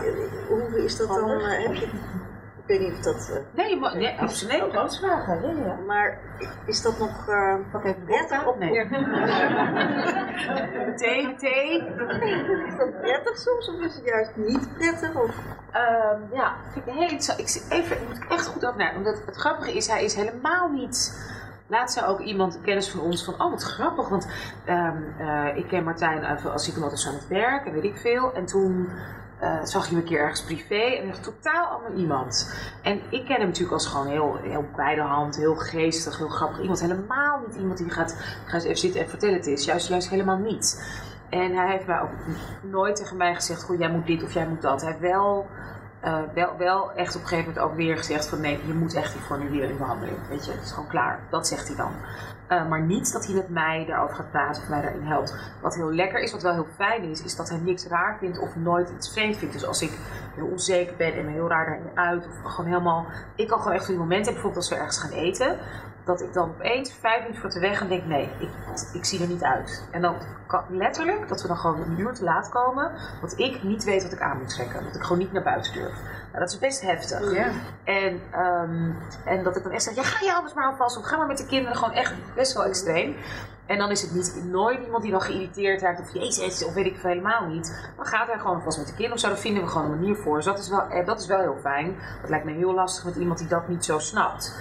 Uh, maar het is, uh, dus ja, dat is, er, dat is heel fijn. Het is gewoon iemand die mega open-minded is, niks raar vindt, niks eng vindt. En ik dus ook echt kan bellen in paniek. Van ik heb nu dit, wat moet ik nou doen? Of zo, weet je wel. Ja. Dat is wel fijn. Maar het is niet dat ik in die zin met een psychiater getrouwd ben, want hij is mijn leeftijd, hij is jonger dan ik. En hij is echt een hele stoute en, eh, man die veel met zijn vrienden en leuke dingen doet en zo. En, en, en dat. Maar ik, zou, ik kan me niet voorstellen dat ik met iemand anders echt met een andere persoon ter wereld een gezonde relatie zou kunnen hebben. No way. No way. Zeker niet ook een gezin. No way. Dat kan echt alleen met hem. Dat zat, ja, denk ik toch wel door zijn vak ook. Ja. Mm. ja. Ik weet niet of ik dit in, in de podcast zou horen. Knippen we er gewoon uit. Nou, weet je waarom? Wil ik zeggen waarom? Want ik weet niet hoe jullie, want we natuurlijk ook, weet je, met Twitter en alles. Maar ja, ik kreeg zoveel bagger over me heen op Twitter. En er wordt ook zoveel ook inderdaad over mijn man wordt erbij geteld, psychiatrisch, dat ik psychotisch en gestoord ben. En heel veel denk ik ook van, nou ja, ik heb ook echt best wel psychische issues. Dus dat is best wel kwetsbaar. Ja, dat is wel kwetsbaar. Ja, ik krijg natuurlijk ook minder dan jij, maar ook heel veel shit over heen. En ook dat. Maar ik denk dan, ja, nou, klopt. Ja, nou ja, ja, dat is zo. Ja, is voor mij vervelender dan voor jou, denk ik dan. Ja. En eh, ik, ik, probeer zo kwetsbaar te zijn dat ik er onkwetsbaar van word. Snap je? Ik ben nergens meer op te pakken, want ik heb het allemaal al verteld. Ja, ja, ja. En, eh, en dat, dat werkt voor mij goed. Maar op hele onredelijke dingen dan? Van je bent gewoon een, eh, ja, weet ik het. eh, En iedereen gaat natuurlijk zeggen dat ik dik ben. En dan denk Nee, maar ik nou ja, van je goed gezien. spoort niet meer. Dat. Ja, raakt mijn maan. niet. Nee. Nee, ik la- maar het, ja, dat ligt toch volledig bij hun. Ja. Ik denk, ja, nou, rot dat jij zo'n hoofd hebt, dat je dit soort dingen denkt. Naar. Maar dan ook weer niet zo naar dat ik ze nazorg wil gaan verlenen. Maar wel gewoon, ja, raakt me echt niet. Nee. Je ben je niet wel eens bang dat je iemand tegenkomt die dan tegen je tekeer gaat? Dat heb ik wel, omdat zeker de Telegraaf en Geen Stijl en inderdaad Voetbal Insight er dus echt nu een soort ding van maken. En er zijn natuurlijk gewoon heel, weet je, ik rij veel voor mijn werk ook en dan Mhm. kom ik heel veel op het tankstation en denk ik, ja, ja, sorry, toch van die typische Telegraaf-lezendachtige mannen tegen. En dan denk ik altijd als ik zo'n tankstation loop, staat zo'n rijtje nou, met frikandellen en zo. eh, dat ik toch denk van, oh, er gaat een moment komen dat iemand me natuurlijk gewoon wel gaat uitschelden. Daar ben ik dan wel bang voor. Ik snap dat je er bang voor bent, maar volgens mij zijn dit nou precies de types die de hele dag een beetje angstig zitten te typen. En, en dan verder jou zien en denken, oh, wat is er? Ja, ik wil ze een binnenklauw halen. Weet ik veel wat ze denken, maar ik denk, eh, nee. Ze eten weg, hun emoties. Ja, Maar en zijn dat mag, wel eens dat bedreigd? Want het, Oh ja, ja. ja. Maar dan kan ik me wel voorstellen dat je daar wel bang van kon zijn. Ja, ja. Ja, ik denk toch van, seriously, gaat iemand mij echt vermoorden vanwege Zwarte Piet? Nou, en als het doen, gaan ze het niet aankondigen. ja, nee, maar dat denk ik altijd. Ik denk dan, nou ja, dan ben het nou weer kwijt of zo. Maar ik heb wel, weet je, ik, ik woonde tot kort alleen. Dus, en, en met twee kleine kinderen. Dus ik, en ik ben natuurlijk ZZP'er, dus je bent heel gemakkelijk vindbaar. Dus toen dacht ik wel, ja, nou ja, ja als iemand het zou willen. Maar dat zal dan echt niet iemand zijn die eerst een berichtje gaat sturen. Dat lijkt me zo'n impulsding, iemand vermoorden. Ja, ik heb het zelf nooit gedaan, maar dat lijkt me... Nee, maar, maar, maar dat dus. Dat je dus inderdaad ergens bent op het, weet je, je moet ik altijd denken aan koningin Sisi of ik al die verhalen die we allemaal kennen. Het meest onverwachte moment. Je loopt gewoon brug over een bam of zo. Ja, maar ik bedoel, daar kun je toch ook bang voor zijn? Ja, nee, dat bedoel ik. Ja, dat heb dat ik meer. De, de Ja. niet aangekondigde. Ja, nee, maar statistisch gezien is het toch waarschijnlijk je echtgenoot uiteindelijk. ja, nee, maar ik ben, De meeste ongelukken in Ze gebeuren in huis, ja. Je hebt een hele enge Franse film over een psychiater die dan geen psychiater blijkt te zijn, maar net doet alsof hij dat is. En dan inderdaad eh, allemaal geld van mensen heeft gestolen, dan, dan komt dat ook zo uit. En dan vermoordt hij dus ook zijn hele gezin. Dat is Martijn's lievelingsfilm. Leuk man. Maar dan hoef je niet meer een relatie met iemand anders. Daarna. Nee, dan is het Nee, dan neem ik gewoon een hondje. Nee, maar ik, ik heb dat, ik ben niet bang. Nee, maar ik ben, ik- dat is misschien ook iets wat gewoon in mijn hoofd heel raar is, want ik ben dus ook bijvoorbeeld niet onzeker. Dus als ik, als ik dit zo hoor van Anousje, van dan moet ik ergens heen en denk ik, oh, ik zie er niet uit. Ik vind dat ik er altijd eigenlijk wel prima uitzie. Ik kan echt wel in de spiegel kijken en denken van, eh, ja, nou, het is 125 kilo en 125 prima kilo's. Het ziet er goed uit. Ik, heb daar, ik ben daar echt niet onzeker over. En ook niet als andere mensen zeggen, je ziet er niet uit, dan denk ik oprecht, dan kun jij niet goed kijken. Dan is het gewoon iets met jou, dat is oké, maar dat, is, dat klopt dan bij jou niet. Maar goed, af en toe wil je wel dood. Ja, klopt. Ja, en dat, is dus, dat vindt de GGZ met name heel ingewikkeld. Want die zeggen dan, je bent niet depressief, want je bent alleen depressief als je onzeker bent. En dat ben ik dan niet. Ja. Dus dan, ja, dan klopt het niet en dan is er ook niet echt hulp. Een soort, ja, toen kreeg ik de tip om yoga te gaan doen. Jezus, wandelen, salade, yoga. Mag er een touw mee? Maar als je, ja, het gaat misschien, het voert misschien te ver, maar op het moment dat jij doodswens hebt, dan... Ben ik nog dan- steeds niet onzeker. Nee, precies. Dan heeft hij, komt ergens anders vandaan. Ja, en ik denk ook niet van, oh, de wereld is echt beter af zonder mij. Wat heel veel mensen wel hebben die dood willen. Ik denk, wel, ja, ze vinden het vast wel erg of zo. Maar dat is op dat moment, vind ik het leven meer pijn doen dan dat ik denk dat hun pijn zal zijn. Ja. Want ja, die komen er wel overheen. Maar Ja. ik moet nog 50 jaar Ja. met deze pijn. Want hoe is dat? Waar, waar ben jij nu? Hoe gaat het met jou? Ja, jij... super depressief op het moment. Nee hoor. dat is moeilijk mijn humor. Ja, Ja. Nee, eh, nee, het gaat goed.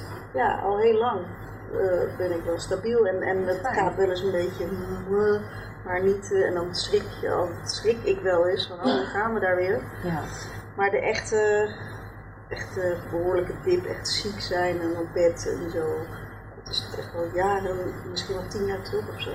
Oh, wat fijn. En, en hoe, ben jij onzeker wel eens over jezelf? Herken je dat? Dat je, dat je niet, of, of dat heb je? Jawel. ja, nee, ik, ik, ik, ik moet opeens denken aan. Ik keek het eh, theaterprogramma terug van Remco en mij. Remco Vrijdag, ja. ja. Van de week vertelde ik ook aan jou en ik vond het echt verschrikkelijk om mezelf te zien. Ja, onzeker, ja, onzeker. Ik ben, ik ben afkeurend eigenlijk, dus dat is misschien weer iets anders. Maar Ja, ja, mezelf te dik en eh, te schreeuw en te alles. Ik heel, eh, heel, heel naar om terug te kijken. Maar dat lijkt een beetje op wat jij Ja. zei van, ah, ik kan niks. eh, Ja, ik, ik vraag me af ook of dat te maken heeft ook met ons vak. Het is natuurlijk gewoon een vak waar je altijd ook zichtbaar bent en Ja. ik. En ook het vrouwbeeld, hè, dat is natuurlijk zo klein, petit, beperkt. Vrouwbeeld, hoe je er wel of niet uit mag zien, zogenaamd wordt wordt gezien. En merk ik ook hoe. Ik, ik vond laatst was in een van het programma. En er waren geloof ik drie of vier vrouwelijke gasten. En letterlijk zei die presentator op een gegeven moment. De knappe ne, ne, ne, En over die andere vrouw gewoon niks. En Truus de Boer en nou, Martine. Dat je echt denkt. de lelijke Anja. Dus en een afzichtelijke Anja is ook aangeschoten. Welkom Anja. Maar die die heeft wel expertise. Want die, maar dat je ook denkt, jezus, dat is zo normaal dat vrouwen worden gecategoriseerd. Dat, dat er een opmerking daarover wordt gemaakt, wel of niet. Maar ook in interviews zie je ook heel vaak inderdaad, de, de, de, de- weet je, de natuurlijke schoonheid of zoiets Ja. omschreven. Of niks, of charmant. Dat is Ja. vaak eigenlijk ook een soort van, ah. Heeft dat er denken jullie ook mee te maken? Dat, En toch, je bent beïnvloed door alles, door be- be- beelden en eh, toestanden van buitenaf. Maar ik doe dat zelf, ik zie het zelf. Niemand anders zegt dat. Dan kan je zeggen, ja, dat is er ooit ingegooid door cultuur. Of Ja, dat wordt natuurlijk de hele dag ingegooid. ook. Ja. wel door. Wat de normen daarvoor zouden moeten zijn. Maar ja, dan altijd wel weer een uitdaging om dat proberen weer eh, bij mezelf te zoeken. En, heb jij, niet, heb jij niet, als je dan oude beelden weer kijkt, van, ik heb dat ook, als ik niet zie, denk ik, oh vreselijk, maar kijk ik nu naar iets van 10 of 15 jaar geleden, denk ik, ah, wat was ik leuk. Nee, heb je dat niet? Toch? Nou, dat probeer ik dan vaak mee te en nemen. Over vijf jaar vind ik dit ook. Ja. Misschien kan dat helpen. Ja. Kan je gewoon je hele leven kan je zo kijken. Dan Ja. wel, eh, En klaar. Zijn er vragen, vroeg ons af, zijn er ook vragen misschien uit de zaal aan, eh aan Martine of van ons? En dan pak ik wel even de microfoon, zodat we het kunnen... Nee, wat vind je daarvan? Ja? Opeens kwam het in me op. Gewoon doen. Vind je het goed? Ja, ja, zeker zijn. Er vragen? dingen doen. Vind ik het leuk. Ja. We zijn hier allemaal. Neem ik ja. het op. En dan is goed de microfoon mee. Is er een vraag? We hebben de microfoon. Hoppa, dat goed. Nee, nee. Ja? Oké. Oh, jij was eer, ik hoorde jou als eerste, dus dan kom ik als eerste naar jou toe. Kan jij een beetje mij tegemoet komen? Een vraag uit de zaal. Ja, in de microfoon. Ja, moet even om. Neem je tijd. Hi, hoe heet je? Ik, Deborah. Eh, en ik vroeg me af, want het ging helemaal over psychische ziektes en zo. Nou ja, ziekte, stoornissen. Ehm, en ik vroeg me af of jullie ook ehm, met vrienden, zeg maar, praten over, ehm, over dat fenomeen en hoe jullie dat dan doen.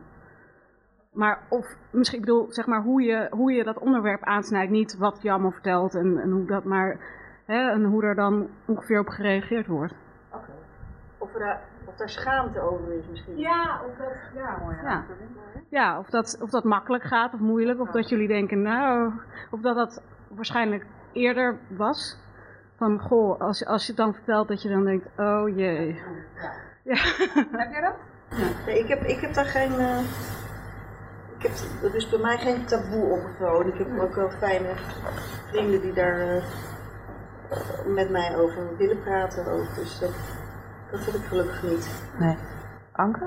Nee, ik eigenlijk, maar ik heb ook zeg maar, het niveau van gek dat je ook niet heel erg omheen kunt of zo. Dus het is niet, ja, het is niet dat iemand na een tijd zegt, hé jij nou, nooit gedacht.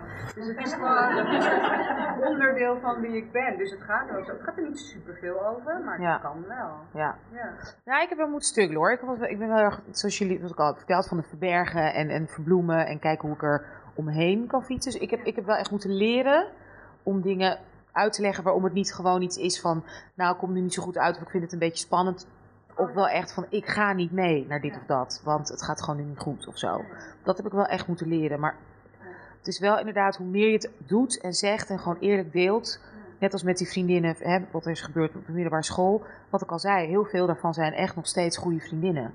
Dus als je het dan eenmaal echt eerlijk deelt en je komt die laag waar het vandaan komt, dan is er bijna altijd wel liefde of begrip. Of het zijn gewoon geen leuke mensen. Nee, dan kun je ze ook gewoon Moet je ze dumpen. Ja.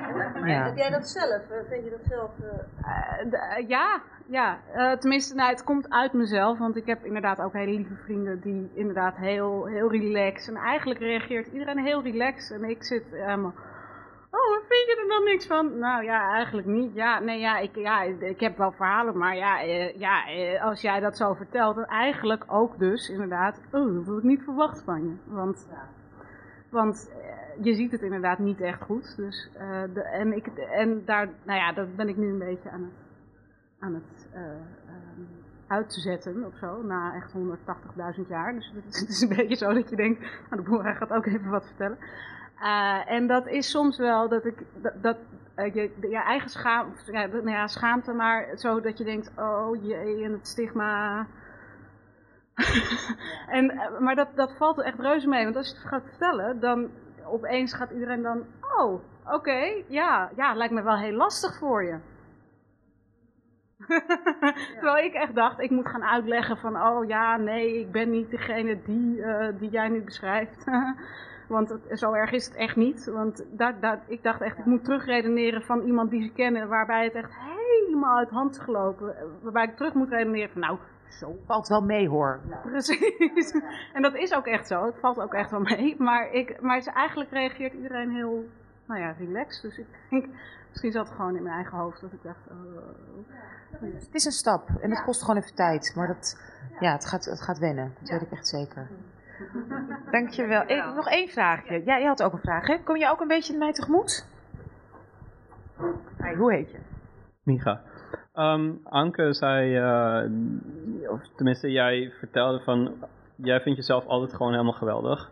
Wat ook volledig terecht is. Ehm, maar ik vroeg me af, eh, werp je die, diezelfde blik ook op mensen eh, om je heen? Te, ook bij de mensen die de maatschappij eigenlijk vindt die je moet veroordelen op Ja, uiterlijk en dergelijke. Want dat is zo. Dankjewel. Dat is zo, want ik vind echt iedereen van wie ik hou, er zijn best veel mensen, die vind ik allemaal echt fantastisch. Maar ook gewoon met alle, weet je, ook als ze een keer stom doen of zo, ik blijf het gewoon echt te gek vinden. Dat, dat is wel heel, ja, grappig. Ik heb er nooit zo over nagedacht, maar dat is zo. Jou ook trouwens. ja. Dankjewel. Dankjewel. Ja, nou, toch wel leuk even de zaal. Ja, je mag de microfoon eh, houden, Anousha. Oh ja, we gaan even, ja, nog eh, wat... wat, Zal wat... ik er één briefje tussendoor gooien? Doe een briefje tussendoor, ja, ja. Scropino. eh, Ja. Even kijken hoor. Ehm, ik schaamde me dood toen ik op mijn eerste baantje bij een callcenter werkte. Nou, dat snap ik. Nee, mijn, mijn collega vond, dat ik, vond ik altijd heel grappig en die was die dag vrij. Iemand belde en ik nam op en ik nam zomaar aan dat hij het was. Ik wilde grappig zijn en zei, nou, als je het over de duivel hebt, we hadden het net over je. Maar het was een klant. Oh. Het is een heel kort baantje. Thank you.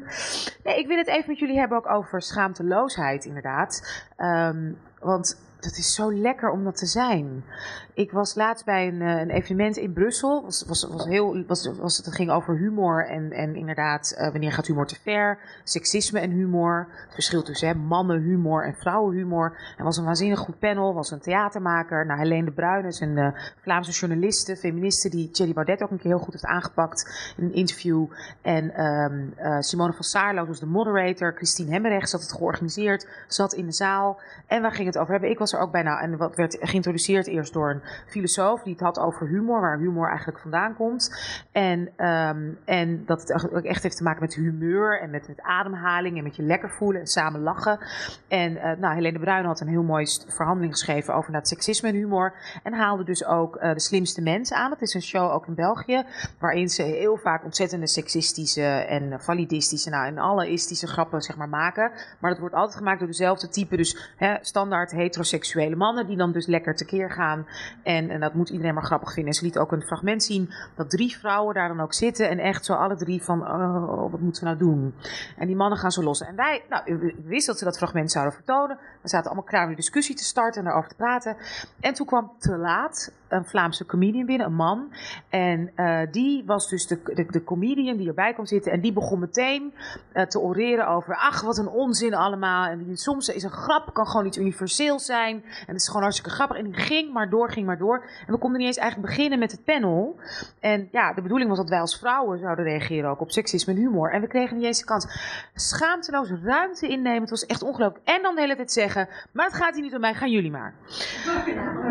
En dan mochten wij, en dan was het een soort, soort cacophonie en een soort, soort, soort en, en wat ik merkte is dat wij alle drie, dus, dus ik zat in het panel, die eh, een theatermaker en Sarah en eh, Simone van Saarloos, alle die dus probeerden van, oké, we gaan terug naar de inhoud, waar we hiervoor zijn, wat we willen praten. En niemand durfde hem gewoon aan te pakken, en zeggen, joh, lul, hou gewoon even je bek, of ga gewoon in de zaal zitten, want hij had het ook over dat hij bijna weg moest, want hij ging naar een feministische voorstelling. Nou, ga dan alvast.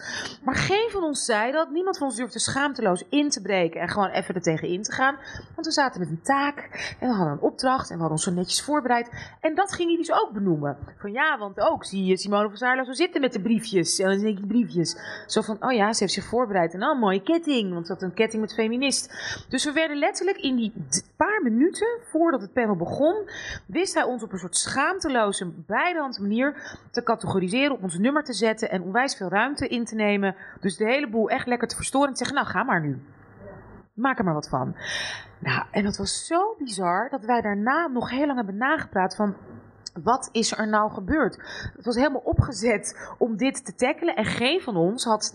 Ik, want ik dacht van nee, maar Simone van Saarloos is de moderator. Dus dan kan ik niet haar rol nu gaan overnemen. En gaan zeggen van hé, hey, wacht even hoor. Wat doe je nou? Of zo. En dat hadden we eigenlijk allemaal. En Simone had zoiets van ja, maar als moderator kan ik dat dan maken om hem nu helemaal af te kappen? Moet ik niet gewoon netjes eh, toch proberen dit te omzeilen? En ze ging op een hele lieve manier mee om. En dan toch. Hè, het, werd op zich een inhoudelijk gesprek. Er kwamen ook hele interessante punten naar voren en discussie. En ook dingen uit de zaal. Maar hij bleef maar gewoon ruimte innemen. En doen. Eigenlijk gewoon. eh. En toen op een gegeven moment vroeg ik, zei hij ook zo van nee, want humor, dat is iets wat alles overstijgt en wat bla bla bla. En toen zeiden we, kan je een voorbeeld noemen van een grap, een seksistische of weet ik veel wat voor grap, die inderdaad alles overstijgt? Kan je dat dan met ons delen? En dat had hij niet eens. Ja, dat heb ik nu niet. En daar namen we ook soort van genoegen mee. Dat we toen ook niet zeiden van, joh, flikker dan toch op als je niet eens met een goede grap kan komen. Geen van ons durfde te doen. Terwijl er zaten dus inderdaad, nou, drie generaties vrouwen met Christine in de zaal. Opgeleid, eh, eh, ja, goed in ons vak. En hij wist gewoon alle ruimte in te nemen. Dus wat hij, wat, wat, wat hij toen zei is van ja, maar het zou beter werken als vrouwen dan ook gewoon een keihard tegen ingaan. En ook gewoon bijranden grappen maken. Maar we hadden ook zoiets van ja, maar dat is toch niet, is dat wat we moeten willen? Dus moet je dan inderdaad op een soort mannelijke, heteroseksuele, cisgender manier dan omgaan met humor? Om er dan over te Nee, ten eerste nee, want dan ben je vies als vrouw, weet je. Dat, dat zei ik ook van ja, maar als, hè, pas sinds Amy Schumer is het soort van gewoon om als vrouw seksuele grappen te maken of er over lichaamssappen te hebben. En dan kan zij het misschien nog maken, maar hoeveel andere vrouwen kunnen dat maken? Dus dat is, we zitten nog steeds heel erg in, die, eh, in, zo'n, in, nou, dat, dat kleine hokje waar vrouwen in zitten, vind ik. Maar wat ik wel wil meegeven, wat ik wel wil vragen, laten we wel proberen als vrouwen, en ik roep alle vrouwen op, om deze week iets schaamteloos te doen. Wie durft met mij mee te doen om deze week één keer gewoon eens een keer iets te roepen of te zeggen en gewoon te zeggen van weet je, nee of fuck it of ik vind het niet grappig of ach, houd toch je muil tegen een vent. Tegen zo'n tegen zo'n kerel. Wie, wie zou dat durven doen en wil ons daarvan op de hoogte stellen dat we het in de volgende keer kunnen mee? Ja? Top. En heb je ook al iemand in je hoofd die denkt, oké, wacht maar, ik weet wie ik ga pakken. Oké. Ja?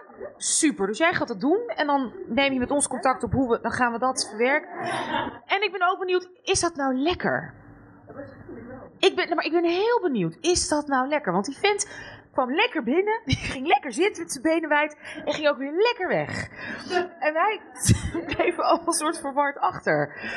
Dus, En dat heeft hij overal. En dat heeft hij dus... Overal verwarde groepjes mensen achter. Ja, en dat is zijn, zijn, zijn cabaretier. Dus dat is gewoon zijn werk. En zo is hij. En maakt hij columns en stukjes. Dus ik vraag me af of dat voor ons ook lekker is. Als we dat wat meer aan publiek, zeg maar, gaan doen. Hem tot de orde roepen. Nou, het, het grappige is, kijk, ik, ik chargeer het misschien een beetje, maar het was binnen de marge. Het was binnen de marge van haha, grappig, eh, inderdaad, voetbal inside-achtige humor. Weet je, wat je verwacht? Nou ja, oké, voetbal inside niet, maar wat je verwacht van een cabaretier comedian. Toch, maar, snap jij wat ik bedoel, Martine? Wij, wij- jij werkt natuurlijk ook heel veel met... Ja, ik, als jij het zo zegt, klinkt mij gewoon als asociaal gedrag in de oren. Helemaal niks met humor of wat dan ook. Het kan een vrouw of een man zijn. Maakt niet uit. Maar gewoon, joh, eh, het is niet de bedoeling dat je hier... eh, ja, wij willen nu ook eventjes... Ik weet niet, ik, eh, ik- het is gewoon iemand die totaal niet doorheeft dat hij... Waarschijnlijk omdat niemand steeds eh, iets van zegt. Nee, daar heeft hij wel een carrière opgebouwd. Misschien moet je nog even mailen. Ja, nee, maar als je kijkt, ja, maar als, maar als je kijkt naar, nee, als je kijkt bijvoorbeeld naar iemand als Hans Steeuwen, dat is toch ook zo iemand die inderdaad regu- hè, die reguleert en lekker ver gaat en dat gewoon zowel live doet als je hem ontmoet ergens op een feestje, maar ook op toneel. Je kan ook, kan ook storend zijn als. eh, als, eh, Heb je laatst Jinek gezien? Met die, hoe heet die nou? Die Engelsman. Een Engelse comedian. Die zat ook de boel te verstoren. Ik vond dat echt niet grappig. Nee. En hij kreeg wel de ruimte, maar volgens mij was hij ook een soort van stoned of ik weet niet. Een soort raar, raar mens. Ja. Die had gewoon, en die, maar die kreeg ook de ruimte. Ja. Ik denk dat mensen ook heel erg schrikken van zo iemand hoor. Van oh, wat is dit? Ja. Het was ook een keer met die dat ze recht geweest. Ja, dat, Dat ja, deed Jules Deelder. Ja. Dat was Ja. ook heel vervelend, ja. Ja. Ja, waarschijnlijk wel, ja, Jules Deelder, ja. Ja, als je een beetje van, als je nou niet ophoudt, het is gewoon net een klein kind, dan, Ja. moet, je, dan moet je eruit. Ja. dat, dat zijn natuurlijk hele vervelende dingen om te doen, maar dat, ja. dat had, kijk, in, je betrekt het dan heel erg op jezelf en ook, en over, over persoonlijk, nee, gewoon, hij doet iets, en het kan ook een zij zijn, doet iets wat niet oké is daar, Ja. dat moet dan gewoon even... Maar het gebeurde dus niet, dus daarom vind ik het zo interessant. Geen van ons allen zeiden van ja, nu is het gewoon klaar. Want het was ook een soort dat je, we- zaten allemaal meer ook van, gaat hij nou te ver? Ik ken het, dat je het niet doet, maar dan, dan eh, ja, dat ligt toch aan onszelf. Dan, Ja. dan moet, wij moeten daar iets mee, of niet. Wij moeten er iets mee. Oké, dus jij gaat er iets mee doen. Yes? En dan ga ik van, in ieder geval gaan we allemaal van leren. Oké, jij wil er iets, nog iets over? Een, een man? Ja, kom maar door. Even in de microfoon. Moet je me even naar me toe komen. Ik vroeg me af, ehm, als je iemand op, je, op zijn nummer zet en, en zegt van hé, hey, dit is niet oké, dan zet je hem in de spotlight van met fout gedrag. Zijn we met, als je dat niet durft, is het dan niet iets van empathie van eh, plaatsvervangende schaamte voor die positie? Dat je denkt van, daar ga ik toch iemand maar niet aan blootstellen. Nee, absoluut. Het was, het was ook van, ik wil niet, dat, je wil ook niet dat het escaleert. Of ben ik nou de enige die denkt dat dit nergens op slaat? Weet je wel? Ik zat, Christine Hemmings keek zo geïrriteerd, dacht ik inderdaad bij wijze van spreken, is dat nou gewoon om hem? Of is het juist, gra- weet je, dat ik echt moest zoeken naar... En dat hadden we dus allemaal, kwamen we allemaal later achter. Dus ja, het, alles speelt dan mee. Scha plaatsvervangende schaamte. Ook denken, oké, ik zal het wel weer verkeerd zien. Eh, eh. Ja. Ja, ik denk ook wel dat dat iets is waar, waar meisjes veel mee opgevoed worden eh, ten opzichte van jongens. Herkennen we, dames, herkennen we dat? Vrouw, Gezellig houden, ja. Gezellig houden, vrouwelijk, ja. Ja, wij willen het altijd inderdaad gezellig houden. En eh, we durven er niet te gauw wat van te zeggen. Want dan hebben wij het weer gedaan. Terwijl in feite hij het doet natuurlijk. Maar dat heb jij minder, Martine, volgens mij, toch? Jij, hebt niet, jij, jij, jij kan dat echt loskoppelen. Je, jij zegt ook echt man of vrouw. Dat- is, ben je daar zo, zo in opgevoed of is dat iets... Ik durf dat soms wel. Ik durf soms wel assertief te zijn, maar soms ook niet hoor. Maar ik vind het soms ook te eng. Of eh, weet ik veel, laat me intimideren. Maar ik, ik ben ook wel degene soms die, als niemand zijn bek opent, dat ik dat wel doe. Ja. ja. Anke, jij? Nou. De- De-escalerend zegt iemand uit de zaal dat we fysiek minder... Ja. Ja, dat, dat is zeg maar een soort fight-flight. Dat is misschien een biologische, natuurlijke reactie. Al om, om oké, let's... En we worden natuurlijk ook veelal zo opgevoed wellicht. Hè. Het wordt niet echt gewaardeerd als je als vrouw, hè. Fuck you en ik ben er klaar mee. Wat ik wel heel lekker vind. Ja. Ik was één keer was ik moderator ook bij een debat. En toen had ik van tevoren al gezegd, want ik weet al hoe het gaat bij een debat. Had ik gezegd, eh, aan, het, aan het eind mogen jullie vragen stellen. En een vraag is dan iets wat je wil weten, wat je in één zin kunt zeggen. En dat eindigt op een vraagteken. Nou, je denkt, dat weet iedereen. Maar er zijn heel veel mensen die echt daar helemaal geen idee van hebben. Dus toen nou, er waren een aantal vragen geweest. En toen stond er een man op en die zei, ja, ik heb een vraag. Of eigenlijk is het meer eh, een opmerking. Of eigenlijk is het, ja, misschien is het meer een soort observatie. En toen zei ik, oh, oké, nee. En toen heb ik. Ja, ik heb duidelijk uitgelegd wat de vraag was. Dat is geen vraag. Nou, dat is klaar. Ja, dat was heel helder. En toen kwam ook niemand anders meer op het idee van, nou, misschien kan er ook nog mijn observatie. Maar dat is eh, heerlijk. Ja, dat zeggen ze met humor, hè? Kijk, want je bent soms geneigd in je agressie van, en dan ga ik zeggen wat voor klootzak dat is. Maar dat werkt juist vaak. Ja, precies, dat werkt helemaal niet. Nee. Terwijl als, je, als je het kan opbrengen nog op een Ja. soort van luchtigheid en van, eh, nou, lijkt me niet zo handig zo. Dan, dan... Hadden bij vrouwen maar humor, dan kon je het gewoon oplossen. Nou ja. Oké, maar we hebben dus een opdracht voor de volgende podcast. We nemen contact met je. We spreken je straks nog even. Helemaal goed. Anke, dan geef ik eh, de microfoon aan jou. Ja, oké. Nou goed, dit is, dit is het onderdeel waar ik het, het ergst tegen opgezien heb. We hebben van tevoren hebben we besproken, we gaan eh, een uitdaging. We gaan elkaar een uitdaging geven, iets wat we eigenlijk niet durven, waar we ons voor schamen. En eh nou, Anousha die zei toen, nou, oké, dan wil ik wel mijn gênantste moment ooit vertellen. Had ik ook kunnen doen, maar nee, ik bedacht, ik ga iets doen. Nou, wat ik, ik, heb, ik, ga, eh, ik heb poepangst. Ik heb poepangst. Ik durf dat thuis. Gaat het? Min of meer? Ik woon nu net samen. Heel jammer. En eh, ja, dat heeft ook voordelen. Maar eh, ja, ehm, ook nadelen. Maar goed, ik, dus ik dacht, ik ga ergens op een openbare plek, niet op een plein, gewoon in een wc, ga ik dan proberen te poepen. En nou, ik vind de, de goed. Ja, ter plekke ga ik dat. eh, ik heb een speciale middenpad vrijgelaten, zodat ik daar even kan hurken. Nee, maar ik, eh, nou, ik, heb, het, ik heb dit drie weken lang geprobeerd. Ik ben echt. Nou, een vriendin appte mij: ga kakken in een koffietent. En eh, zij zei: ja, moet je koffie drinken? Ja, maar ik drink geen koffie. Nee, maar dan gaat het juist goed. Maar dan moet je dus. Ik had zo bedacht: hoe ga je dat dan doen? Je wil natuurlijk niet dat je daar binnenkomt dat het dan open, van die half open deuren zijn. Weet je wel, zo heel ongemakkelijk. Dus dan moet je eerst binnenkomen in een koffietent. In je eentje natuurlijk, want je kan niet met iemand gaan en dan zeggen: ja, kom hier om te poepen. Dus misschien kun je een krant meenemen. En dan neem ik ook een deel mee. Dus dan, dat kan al niet. Dus dan moet je eerst naar binnen gaan. Moet je kijken hoe zijn die wc's. Is dit oké? Oké, nou het is oké. Dan ga je zitten. Dan bestel je een dubbele espresso. Nou, dan kijkt die man natuurlijk al gelijk van: oh ja, jij bent net daar naartoe geweest. Nu bestel je een dubbele espresso. Ik weet wat jij komt doen. Ik hoop dat je goede fooi hebt. En dan vlak daarna moet je dan weer terug. Weet je wel, en je spullen staan daar nog. En dan moet je ook iemand vragen: kun je even op mijn spullen letten? En dan, nou, ik, ik, dat, het ging gewoon niet. Dus toen, nee, het was, het, het, nou ja. En toen dacht ik: dan ga ik naar Ikea. Want Ikea is heel groot, dus dan is het minder eh, erg, toch? Want dan komt er misschien ergens stank van, maar niemand weet welke van de hokjes. Dus dat vond ik dan wel een goed idee. En toen, toen was ik daar. En toen heb ik daar een tijdje zo voor die toiletten rondgedraald. En toen ging ik naar binnen en toen waren daar andere mensen. dacht ik, nou, oké, dat gaat al niet door. Weet je, zijn gewoon andere mensen in Ikea. Wat is dit? Dus, nou, toen ben ik weer weggegaan. Toen had ik, moest ik naar het ziekenhuis. Moest ik eerst bloed prikken. En eh, dat, dan had ik anderhalf uur de tijd tussen het bloed prikken en mijn eh, therapeut waar ik naartoe moest, die in hetzelfde ziekenhuis zit. Dacht ik, in anderhalf uur moet dit gewoon lukken. Het was ook vorige week donderdag volgens mij, dus het was, er was een beetje haast bij, want ik wilde graag dat dat ik iets kon geven aan jullie. En, ja, en eh, ik wilde graag hoop geven. Nee, maar, eh, dus, nou, en toen heb ik dus anderhalf uur door dat ziekenhuis steeds weer naar een andere afdeling. Steeds daar weer, ja, nee, hier zijn mensen. Oh nee, dit is een hokje met een open. eh, nou, intussen moest ik heel nodig plassen. Ik dacht ook, ja, dat kan ik nu niet doen, want stel dat ik dan ga plassen en per ongeluk ook moet poepen en dat durf ik eigenlijk helemaal niet. Dus nou, het was, uiteindelijk heb ik dus echt met samengeknepen billetjes bij die therapeut geprobeerd dat zo snel mogelijk af te ronden, zodat ik naar huis kon, zodat ik eindelijk naar de wc kon. Nou, toen had ik het er met mijn vriend over en toen zei mijn vriend, nou, we gaan straks naar mijn ouders. Is dat niet een leuke uitdaging? ja.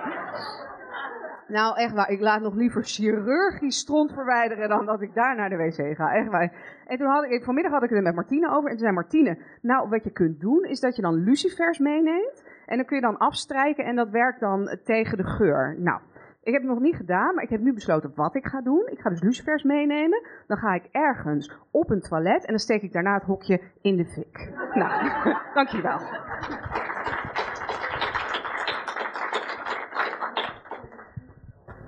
Nou, we gaan, eh, we gaan een beetje afronden. Ja? Eh, dat is wel, we gaan dan, dan lees ik nog één voor, die past ook wel Ja, mooi bij jou. Ik schaam me dood toen mijn nichtje bij mij in bed sliep en het spelletje ging spelen, vinger in je kont en wie stinkt het ergste. Ik vind altijd, zeg maar, de lol van deze hangt heel erg af van de leeftijd van jou. En die van je nichtje. Nichtje is acht. Oké, nou. Kan ja, er nog, toch? ik- Acht? Ja, toch? Ja, nee, makkelijk. Eh, Martine, heb jij nog iets wat je met ons wil, wat je nog wil zeggen, wat je nog wil vragen? Nee, ja, ik, ik, ik moet nog even. Ik had het vanmiddag met jou over. Ik heb nog één, één eh schaamte dingetje. Ja.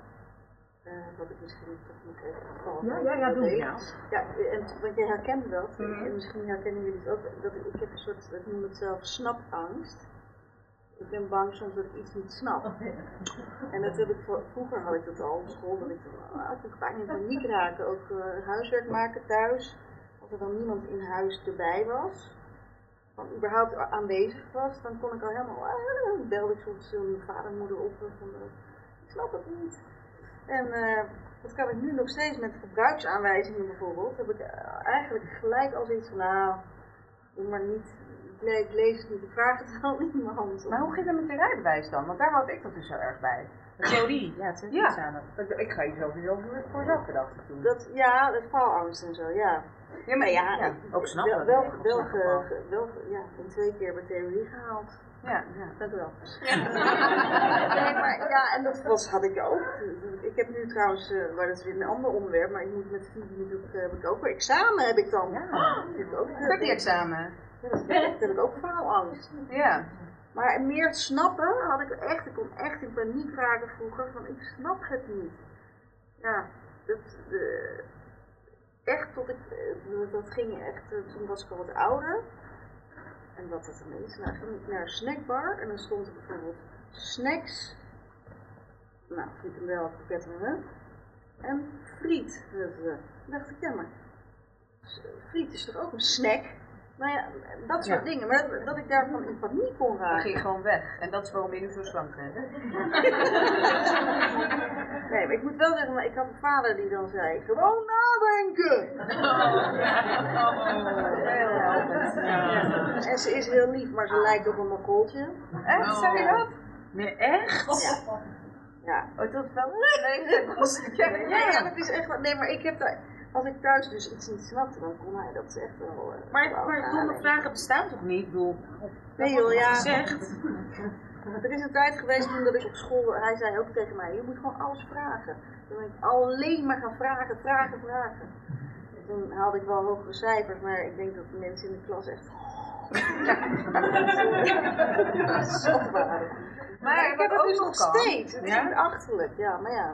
Misschien haalde de rest van de klas ook wel hogere cijfers, doordat het aan jou nog een keer werd uitgelegd. Dus eigenlijk heb jij iets heel moois gedaan voor je klas. Ja. Waarvoor namens de klas bedankt. Ja. Met zijn allemaal hartstikke goed terechtgekomen, nu, dankzij jou, je vader eigenlijk. Ja. Dank Jan. Dank Jan. Nou, en nu dat is lekker, want hoe, ben jij ook al, ben je boven 40 of niet? Ah, nee, 47. Nou, dan kun, nou, nu dat is helemaal over de 45, ik ook met 48. Nou, dan kan je zo lekker je gewoon voor alles de schuld geven. I love it. Ja, dus, Ja, ja, oh, dat doe ik heel vaak. Oh nee, dat doe ik allemaal niet meer hoor. Snap Oh ja, ja, nee, dat is ja, ja. Neem het gewoon lekker op. Ja, nee, sorry. Moet iemand me uitleggen? Dat is het niet meer. Maar het is de overgang. Nieuwe eh, tv. van- Ja, de overgang. Dat zeg ik op onze tv. Nou, we hebben ook nu met allemaal dingen en Apple TV en weet ik veel. Dat doe ik gewoon niet. Dat moet iemand voor me doen. Hier. Ja.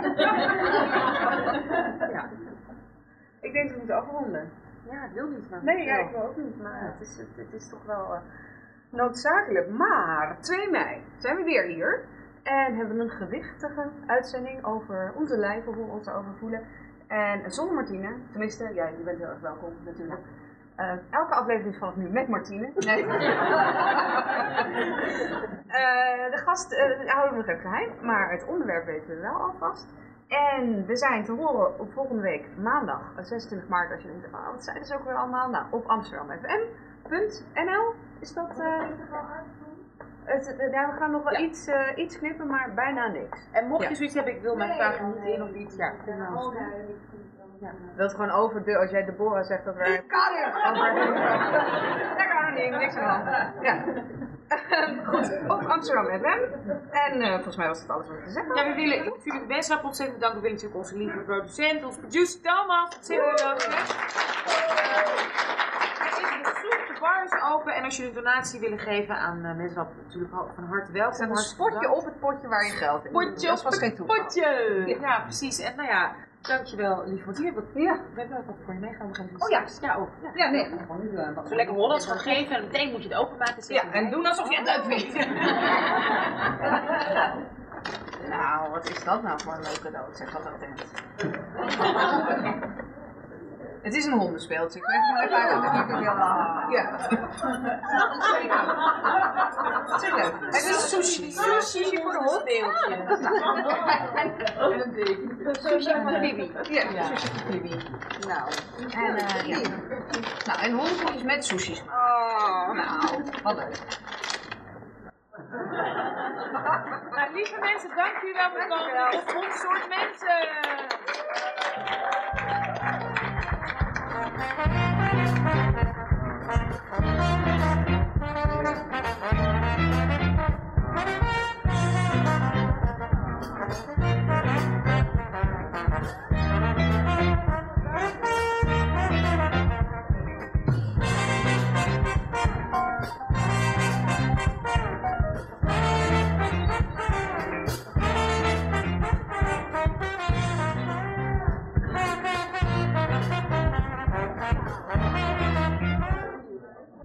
Nou, eerste reactie. Ik vond het eh, heel erg leuk en ook heel ontwapenend. Dat je je ook minder schaamt over je eigen schaamtes eigenlijk. Dus eh, ja, ik vond het superleuk. Was heel schaamteloos dus. Schaamteloos. Ja, ik denk dat het ook heel belangrijk is om, om eh, ja, je kwetsbaar op te durven stellen. En ik vind het heel inspirerend eigenlijk. Ja, ik vond het heel erg leuk. Ben je er de volgende keer weer bij? Sowieso. Absoluut. Ja. Oh ja, nog even het mannelijke geluid. Wat vond jij ervan als man? Ook een, ook een man ertussen. Eh, ja, nee, ik vond het heel leuk. Ik vond het eh, heel open, spontaan over ja, van alles en nog wat eh, praten. Ja, ik vond, het, ik vond het erg leuk. Het zijn natuurlijk onderwerpen die misschien voor mannen niet, ja, niet in één keer zo ja, aanspreken. Maar daarom juist kreeg ik een extra idee over hoe, hoe zij daarover denken. En dat is wel iets. Maar denk je dat mannen zich niet schamen dan? Nou ja, op een andere manier misschien. Ik, ik denk wel, ik hoorde wel bepaalde dingen dat ik dacht van, oh ja, dat zullen misschien, of misschien is het voor mij persoonlijk. Maar de dingen over, over je lichaam en over bepaalde dingen, hoe andere mensen naar je kijken, ik weet niet.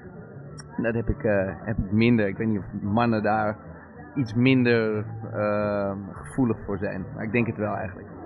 Nou, ik ga het nog even een paar mannen vragen. Ik ben heel benieuwd. Kijk, mag ik jou wat vragen? Wat vond je ervan? Oh, ik vond het fantastisch. Ja, ik heb enorm genoten. Eh, pure liefde. En, en als man, wat vond je ervan? Want het waren, eh, ja, het waren drie vrouwen. Over best wel vrouwendingen. Schaamte van vrouwen. Maar herken jij je er ook wel in als man? Ja, ik eh, weet ook wel eens niet wat ik aan moet. dat is heel... ja, ja of, of dat ik eh, de kinderen op het schoolplein niet herken. Dat, herkende ik ook. Ja. Dus eh, voor jou, eh, het- en, en voegt het ook iets voor je toe? ja, ik, ik- ja. In de zin dat je anders over dingen gaat denken? Of, Ja, mijn, ik heb wel voornamelijk vrouwen om me heen in mijn leven, dus ik vind dat helemaal niet zo raar. je bent het wel gewend? Ja, dat is doodnormaal. Oh, je gaat eten, ja. Nou, eet smakelijk. Aanrader, dank je. Nou, hoe vond je het gaan? Ja, het is altijd moeilijk om zelf te zeggen, maar gelukkig krijgen we hele leuke reacties. Ik bedoel, zelf natuurlijk ook dit en scherper en zus, oh was het niet te lang of... eh. Tuurlijk, als maker, maar nou, gelukkig vond het publiek het leuk. Dat is het allerbelangrijkste. Daar doe je het toch voor? Daar doe je het voor. Nee, absoluut. Ik schaam me in ieder geval niet. Kijk, dat is een mooie. Goeie afsluiter. Ja. Wat vond jij ervan? Ja, ik vond het leuk. Ik ben natuurlijk bevoordeeld, want ik werk eraan mee. Maar ik vond het, eh, ik vond het een hele geslaagde eerste editie. En ik ben heel benieuwd wat we nog meer gaan doen. Maar ehm, nee, volgens mij is dit wel zo'n beetje wat we in gedachten hadden. Dus ik ben heel blij met hoe het geworden is. Ja. En inhoudelijk, herkende je daar ook wel een beetje in als man? Ja, absoluut. Wat Anousha vertelde over schaamteloosheid bij mannen. Ik was laatst bij een feestje eh, eh, met Anke ook. En toen vroeg iemand aan mij, uit de hele groep vroeg aan mij, eh wanneer bevries bier? Ik zeg min 1. En zei, waar, slaat dat op? Er, er zit ook koolzuur in en eh, is er niet... eh, ik had geen idee, maar met een volle overtuiging. En dat is, dat is wel man-eigen. Met volle overtuiging iets te roepen zonder dat je het zeker weet. En dat, die schaamteloosheid is wel eh, een mannelijk ding, dat moet ik toegeven, ja. Ja, dus de schaamteloosheid bij vrouwen gaat dan over net iets anders. Dat denk ik wel. En het ligt er ook aan, kijk, volgens mij sommige dingen moet je ook voor schamen, maar eh, veel dingen helaas schamen we ook waar we ons niet voor moeten schamen. En daarom vind ik het ook heel mooi dat we het vanavond veel over de depressie hebben gehad. Dat is typisch zo'n ding waar mensen zich voor schamen. En dat is typisch een ding waar mensen zich volledig onterecht voor schamen. Dus het is heel fijn dat we ook dat eh, uitgebreid besproken hebben. En volgens mij is dat heel mooi geworden. Nou, dat vind ik een mooie afsluiting. Dankjewel. Ons mensen!